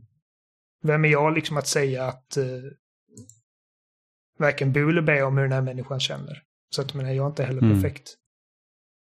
Nej, men sen också så här, vad gör det dig om den människan gör så? Nej, nej men det gör, det gör inte mig någonting. Mm. Så att... Eh, och det, det är en grej som jag... Eh, som jag känner väldigt starkt för liksom att eh, du måste inte vara perfekt människa. Det viktigaste är liksom att du kan liksom tänka på hur du tänker och vad du säger och liksom hur du för dig och liksom ha lite självdistans och kanske lära dig saker från men jag, jag har lärt mig massor om bara liksom över när jag har betett mig dåligt. Eller om jag har fått liksom en tanke som jag inte är stolt över. Uh, ska jag komma på något bra exempel. Men... Uh,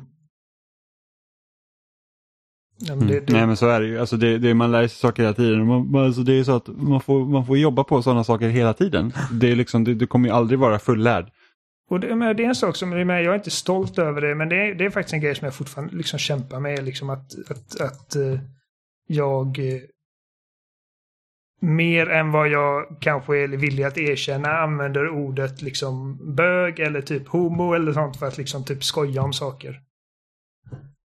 Uh, och jag, jag har till och med råkat liksom brista ut det på, på podden någon gång. Jag vet inte om det är typ, jag, Johan kanske har klippt bort det när det har hänt. Men liksom, jag typ någon gång sagt att äh, det var bögigt. Medan jag egentligen inte menar bögigt utan är äh, det spelet var dåligt eller whatever. Och nästan omedelbart efter att jag har sagt det så är det liksom bara åh nej, det där skulle jag inte sagt. Men jag, jag liksom istället för att dra uppmärksamhet till det så försöker jag bara liksom att snabbt vifta bort det. Um, för jag menar, varför använder jag ordet är det var bögigt när jag ska säga liksom, äh, miss, uttrycka typ uh, missnöje med någonting? Mm. Men liksom det, det, och det är ju en sån grej som går så jävla långt bort, liksom att man börjar typ kalla varandra bög när man var typ i tredje klass liksom. Och det är många år av bara typ grabb, grabbsnack liksom, som man måste träna bort. Och det är en sån grej som jag, typ när jag lär känna nya kompisar, jag vet inte, jag har säkert frågat dig det någon gång Jimmy, liksom att vänta lite, Jimmy, är du, homo, är du bög? bara för att, ja, bara för att det, jag vill den, att du ska det, sam, det, samtalet har, det samtalet har vi haft. Ja, bara för att jag liksom typ när vi började umgås liksom att jag bara, jag vill bara att du ska veta att jag, jag har inga problem. Ifall du är bög så är det helt okej. Okay. det är bara, jag är dum och använder ord för saker som jag egentligen inte ska använda dem för. För att uh, jag har gjort det typ sedan jag var 11. Mm. Men där är också en sån grej, du vet när folk säger så här att ja men jag sa så här men jag menar inte så. Vilket är liksom så här att ja, det är klart, men på det stora hela så blir det ju så att om du associerar liksom ordet bög med någonting som är dåligt, mm. även om du inte menar det så, så andra uppfattar det så ja. och så liksom spär man på det här att, att, att homosexualitet är någonting som är dåligt. Precis. Och, och det är därför, och, och, det är därför liksom när man säger så här typ att hur man använder ord spelar roll och det är därför man liksom ska arbeta bort användandet av ordet på det sättet. Ja, och, och det, det, är precis därför jag tar upp det som en grej som jag känner att jag, som, som jag behöver jobba på. Uh, för att jag vet det. Och det är liksom, och, och, och det är som du säger, jag, jag, kan sitta här och säga hur mycket jag vill att, nej jag menar, jag menar inget illa liksom, att, att jag har inga problem med bögar, men samtidigt så är det liksom, uh, det finns ändå problematik i att jag använder det ordet på det sättet. Ändå. Även om jag liksom har bortförklaringar. Uh, mm. Men det är samma som... Uh, det, det, är en stor anledning för att jag har, liksom, jag har ett eh, religiöst... Eh, en religiös uppväxt. Så mina föräldrar är Jehovas vittnen, så jag är uppfostrad som ett Jehovas vittne. Och eh, precis som med vanlig liksom, kristendom så är det ju liksom i Guds ögon enligt Jehovas vittnen då så är det liksom fel att vara homosexuell. Och det är liksom en av de absolut största liksom anledningarna till att jag ganska tidigt liksom fick, hade problem med att stå bakom mycket av den läran. För medan det finns massor av bra läror liksom från typ den liksom vanlig kristendom också som typ att du ska liksom behandla folk bra, du ska liksom du ska inte göra ditten och datten. Så just den grejen har, allt, har jag alltid Du ska haft. inte döda. Precis, du ska inte döda. Det är bra, eh, bra eh, riktmärke. Men, men just det här liksom med att ifall man är homosexuell så, eh, så är det någonting som är fel. Och liksom det, det, jag har till och med träffat eh, människor som är Jehovas vittnen och är homosexuella men väljer att leva liksom i celibat i princip. Och jag tycker liksom att medan jag verkligen respekterar den eh, övertygelsen och den liksom hängivenheten till någonting så kan jag inte annat än att bara tycka synd om människan också samtidigt. Jag vill liksom bara... Du är övertygad liksom om att, att din sexualitet är liksom en abomination och att du inte förtjänar liksom Ja men förstå, förstå den liksom bara, bara problematiken liksom, om du pratar psykisk ohälsa. Liksom, vad gör inte det med en person som säger att okej, okay, jag är homosexuell och i min övertygelse så är det fel. Mm. Men jag kan inte göra något åt det. Det är ju liksom, det är fruktansvärt. Nej. Den här människan liksom lever och tror liksom att när han återstår, återuppstår i paradiset så kommer han inte vara homosexuell längre. Så att det är liksom att det är en investering han gör nu. Att leva det här liksom korta livet då på jorden. Eh, i utbyte mot en evighet som en liksom frisk heterosexuell människa. Mm. Um, jag menar, alltså, jag, känner, jag känner folk som är Jehovas vittnen och har vänner som är homosexuella. Och liksom, som... menar, min mamma exempelvis, hon har aldrig liksom... Eh, hon hade liksom inte förkastat mig om jag var homosexuell så hade hon fortfarande älskat mig lika mycket. Utan, och de säger alltid det här typ, ja men det är inte personen vi, vi har något emot, det är liksom handlingen. Men jag har ändå alltid haft liksom problem med det.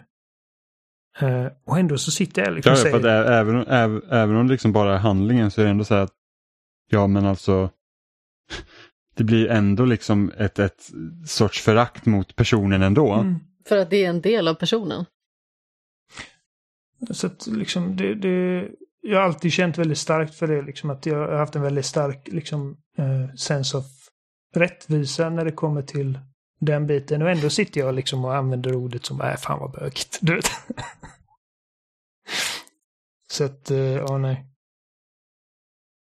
Vi är alla, mm. vi är alla bristfälliga människor och eh, eh, eller ja, vissa mer än andra kanske, men eh, Nej, inte jag. Inte, inte Amanda och inte Jimmy. Jag är en bristfällig människa. jag skojade bara. Eh, naturligtvis. Ja. Som sagt, alla människor har sina fel och brister. Det handlar ju liksom bara om att försöka kontrollera dem och att men, försöka att göra bättre ifrån sig, eller vad man ska säga. Jag vet själv liksom att jag kan eh, skämmas genom att kolla tillbaka i tiden, liksom när jag har blivit upprörd och svurit som en borstbindare, liksom, typ i tävlingssammanhang. Och jag hade liksom önskat så att jag hade kunnat kontrollera det där. Men det bara kom liksom, mm. av ren ilska och förfärelse över att jag skulle misslyckas. Typ. Förhoppningsvis i de ögonblicken så är man liksom omgiven av människor som, som älskar den. Och, eh, som alla känner. ser och hör och pekar ut på en. Nej, men alltså jag, jag har fått så här, typ utbrott på eh, typ, kompisar och en grej som jag fortfarande skäms över. Typ, när jag fick ett utbrott på Sebbes kusin Rolf. Um, eller Alex heter han ju egentligen, men uh, vi kallar honom Rolf. För att vi satt och spelade eh, Halo på Xbox och han satt hela, hela kvällen och klagade på hur dåligt det är med, med konsol och hur mycket bättre PC var. Och jag bara, men gå och spela din jävla PC då, låt oss vara. och det blev helt tyst. Och sen bara, fan Oliver, det är min kusin du pratar med. och jag bara omedelbart insåg bara, oj, vad har jag gjort nu? Jag var, jag var just jätteotrevlig. Då borde det ha gått stenhårt på en linje. Jag bara, ja Sebbe, din kusin är dum i huvudet. Dålig stämning. Vilket tycker, jag, jag har också blev, träffat Alex, han är trevlig. Alex är helt fantastisk, han är underbar. Uh, och jag, jag vet inte, jag bara hade en dålig dag eller någonting och jag typ liksom snäste. Och direkt bara blev jättedålig stämning. Sebbe skällde på mig. Och jag bara liksom, alltså jag, jag tror att jag, jag har nog bett om ursäkt till Alex typ tio gånger. Över bara den här grejen. Eller första gången du och Robin var hemma hos mig Jimmy och du frågade. Jag gick upp. Hämtade och typ eh, började käka så här Billys panpizza. Och ni såg bara åh finns det sådana kan vi få också? Och jag bara gå upp och hämta. och ni var inte bekväma med att gå och rota i vårat, våra frys. Nej men vi gick upp sen och värmde Ja, ni gjorde det. För att Den jag, bästa världen. Jag rörde mig inte. Och sen så liksom typ ett år efter det så började jag tänka. Ja, ett år efter det så fick jag en ursäkt. Ja, och för att jag tänkte liksom just då gick det inte upp för mig vilket, vilken jävla dålig jävla liksom värd jag var för mina två gäster. Första gången de har liksom kommit hälsa på. Uh, i min hjärna då så var det liksom att typ, alltså alla mina kompisar de är så bekväma hemma hos mig. De har typ liksom att de bara, de bara går och tar vad de vill ha. Jag behöver liksom inte serva någon. Mm. Uh, men liksom just då, liksom, det gick inte upp för mig liksom att okej, okay, men ni är inte vana vid liksom bara ta vad ni vill ha. Liksom. Det, det är första gången ni är hemma hos mig. Och så kom jag på liksom också liksom, i jämförelse då första gången och inte bara första gången, första gången utan varje gång jag är hälsar på hos dig så surfar du mig som fan. och jag bara nej. Jag tycker inte jag ska gå upp och värma en pizza åt er i, i mikron utan det får ni fixa själva. Så det fick jag så här skitdåligt samvete över. Um, och bara om gillar du för- får sån här uppenbarelse så här ett år senare. Ja, men jag kan bara liksom komma på och tänka på liksom bara... Jag får en bild av hur du så här står vid mikron och sen när plinget kommer bara, åh nej, vad har jag gjort? Det är ju typ den värsta känslan när man får typ så här, något som har hänt för typ 20 år sedan. Man säger bara, jag skäms fortfarande över det. Ja. Ja, Du jo, vet, så här, men... man säger bara, varför gjorde jag så eller varför sa jag så? Och man var så här, det är typ 20 år sedan. Let it go. Och typ min första liksom typ, alltså liksom... Jag ska inte säga första seriösa, det beror på om man... Men då var det i alla fall liksom en seriös flickvän. Och jag bara liksom efter typ nio månader, eller kanske till och med ännu tidigare, eh, så, så hade jag bara kommit på att nej, jag är inte kär i den här människan längre. Och istället för att vara liksom en man och liksom erkänna det för henne och säga att jag är ledsen, men alltså jag ser dig som en kompis. Så min strategi var att jag ska bara liksom vara så jävlig mot henne så att hon dumpar mig. Eh, Vad opraktiskt. och det gick inte för att hon var liksom förkrossande lojal. Och jättekär i mig. Eh, så att till slut var det bara liksom, jag tror att jag skrev ett sms.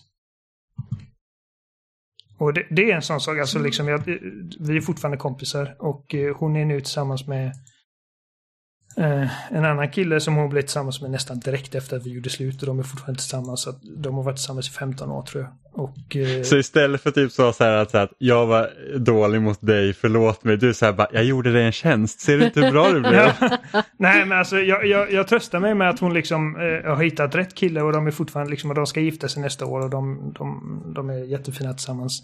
Men jag, jag, nästan varje gång vi träffas så ber jag om ursäkt över detta. Hon typ garvar nu för att jag har bett om ursäkt typ 30 gånger. Jag tror hon har kommit över det. Ja, hon har kommit Hon över har det kommit för- över det, men inte Oliver. Det är straffet. Hon har kommit över det för länge sedan. Men eh, jag kan liksom bara vara, bli helt liksom förstenad i skam över liksom när jag inte betett mig som jag skulle. Mm. Men jag tror med, med de orden så får vi nog sätta stopp för idag. Det är ett väldigt så här, matigt avsnitt om alla möjliga saker vi har pratat om. Det är jätteroligt. Ja, ja det är ett spretigt Eh. avsnitt men förhoppningsvis blir det kul Ja, lyssning ändå. ja, men var, var, varför lyssnar man inte på spelsnack om man inte får höra massa konstigheter? Inga sjukdomshistorier idag och det var en ny grej. Inga fingrar i rumpan Nej, Oliver, hur- inga hur- inblickar Hur mår, i liv. pros, hur mår prostatan? Säger man Oliver? livmödrar eller livmodrar? Alltså jag var på Sahlgrenska igår. För att igår fick jag träffa den här hormonläkaren, endokrinläkaren som. Amanda har lärt mig att det heter. Ehm, Hej hej. Och min största skräck var liksom att, alltså jag hoppas inte att de ber mig ta av mig brallorna. Eh, så att de ska känna på mina kulor igen. Ja, nej, det är aldrig roligt. Eh, och om det är så, så hoppas jag att det är en gammal ful gubbe. Men det var givetvis en attraktiv kvinna. Och typ det första som hände är att hon plockar fram liksom eh, Glasskopan. tes, alltså testikel eh, modeller i trä som hon, jag skulle visa vilken storlek jag har ungefär. Vilket jag inte riktigt förstår varför. För att fem minuter senare fick jag ändå dra ner brallorna och hon skulle känna på dem ändå. Så hon hade kunnat känna på hur stora testiklarna är själv. Eh, Hon ville bara veta hur mycket hon skulle värma upp ja, handleden. precis. Och givetvis. Och, Stretcha fingrarna. det som var mest awk- awkward var att hon bara, ja nej, jag känner bara en kula här. Och jag bara, nej du. Så jag fick ta hennes hand och föra den till rätt ställe. Jag bara, här är den. Det var jätteawkward. Ehm. och så kände hon på Jimmy, mina... varför var du tvungen att öppna den här boxen? Det var ju roligt. Så, så, var jag, så, så ville hon också liksom känna på mina bitch tits och... Och... eh, Ja, så att nu ska jag göra magnetröntgen på hjärnan för att utesluta eh, tumörer på eh, hypofysen. Mm. Mm. Ja. Nej, men det, det, det, jag vänjer mig inte heller aldrig att liksom dra ner byxorna för doktorn. Men det är bara så det är bara att göra det. Det, är Ja, liksom det så här, är det bara- finns inget. Det är bara så här ner och sen så får man bara låtsas att man är ogenerad. Ja, och jag, Jag försökte lösa det där liksom när man eh, gick på så här rutinundersökningar för att ta cellprover och sånt. Liksom att ha en väldigt lång tröja eller typ en liksom, lång skjorta eller någonting sånt. Så bara så här, av med byxorna, sen spacera fram som att ingenting har hänt. ja, Så tänka typ att jag har fortfarande byxor på mig. det Jag tror pinsamma. det värsta var ju typ Ja, nej, säg du först Det pinsammaste är ju inte som hon känner på kulorna utan det är de sekunderna fram till liksom från det att jag är, är fullt påklädd till precis innan. Liksom att jag ska typ klä av mig och så står jag där liksom med byxorna ner vid, vid, vid fötterna. Eh, och hon liksom att typ drar för liksom gardiner eller vad det nu är. Liksom, så, liksom, så ingenting händer men jag står ändå där näck. Det är det värsta. Ja, fast jag kan ändå tycka att det är jobbigt efteråt också, liksom man har undersökt klart och så fortsätter de prata med en så man får liksom inget tillfälle att dra upp byxorna heller. Står man där som Kalle Anka liksom och bara så här, Men ja, bara så det, det, det, i, I ditt fall så har de inte sagt att okej, du kan ta på dig kläderna.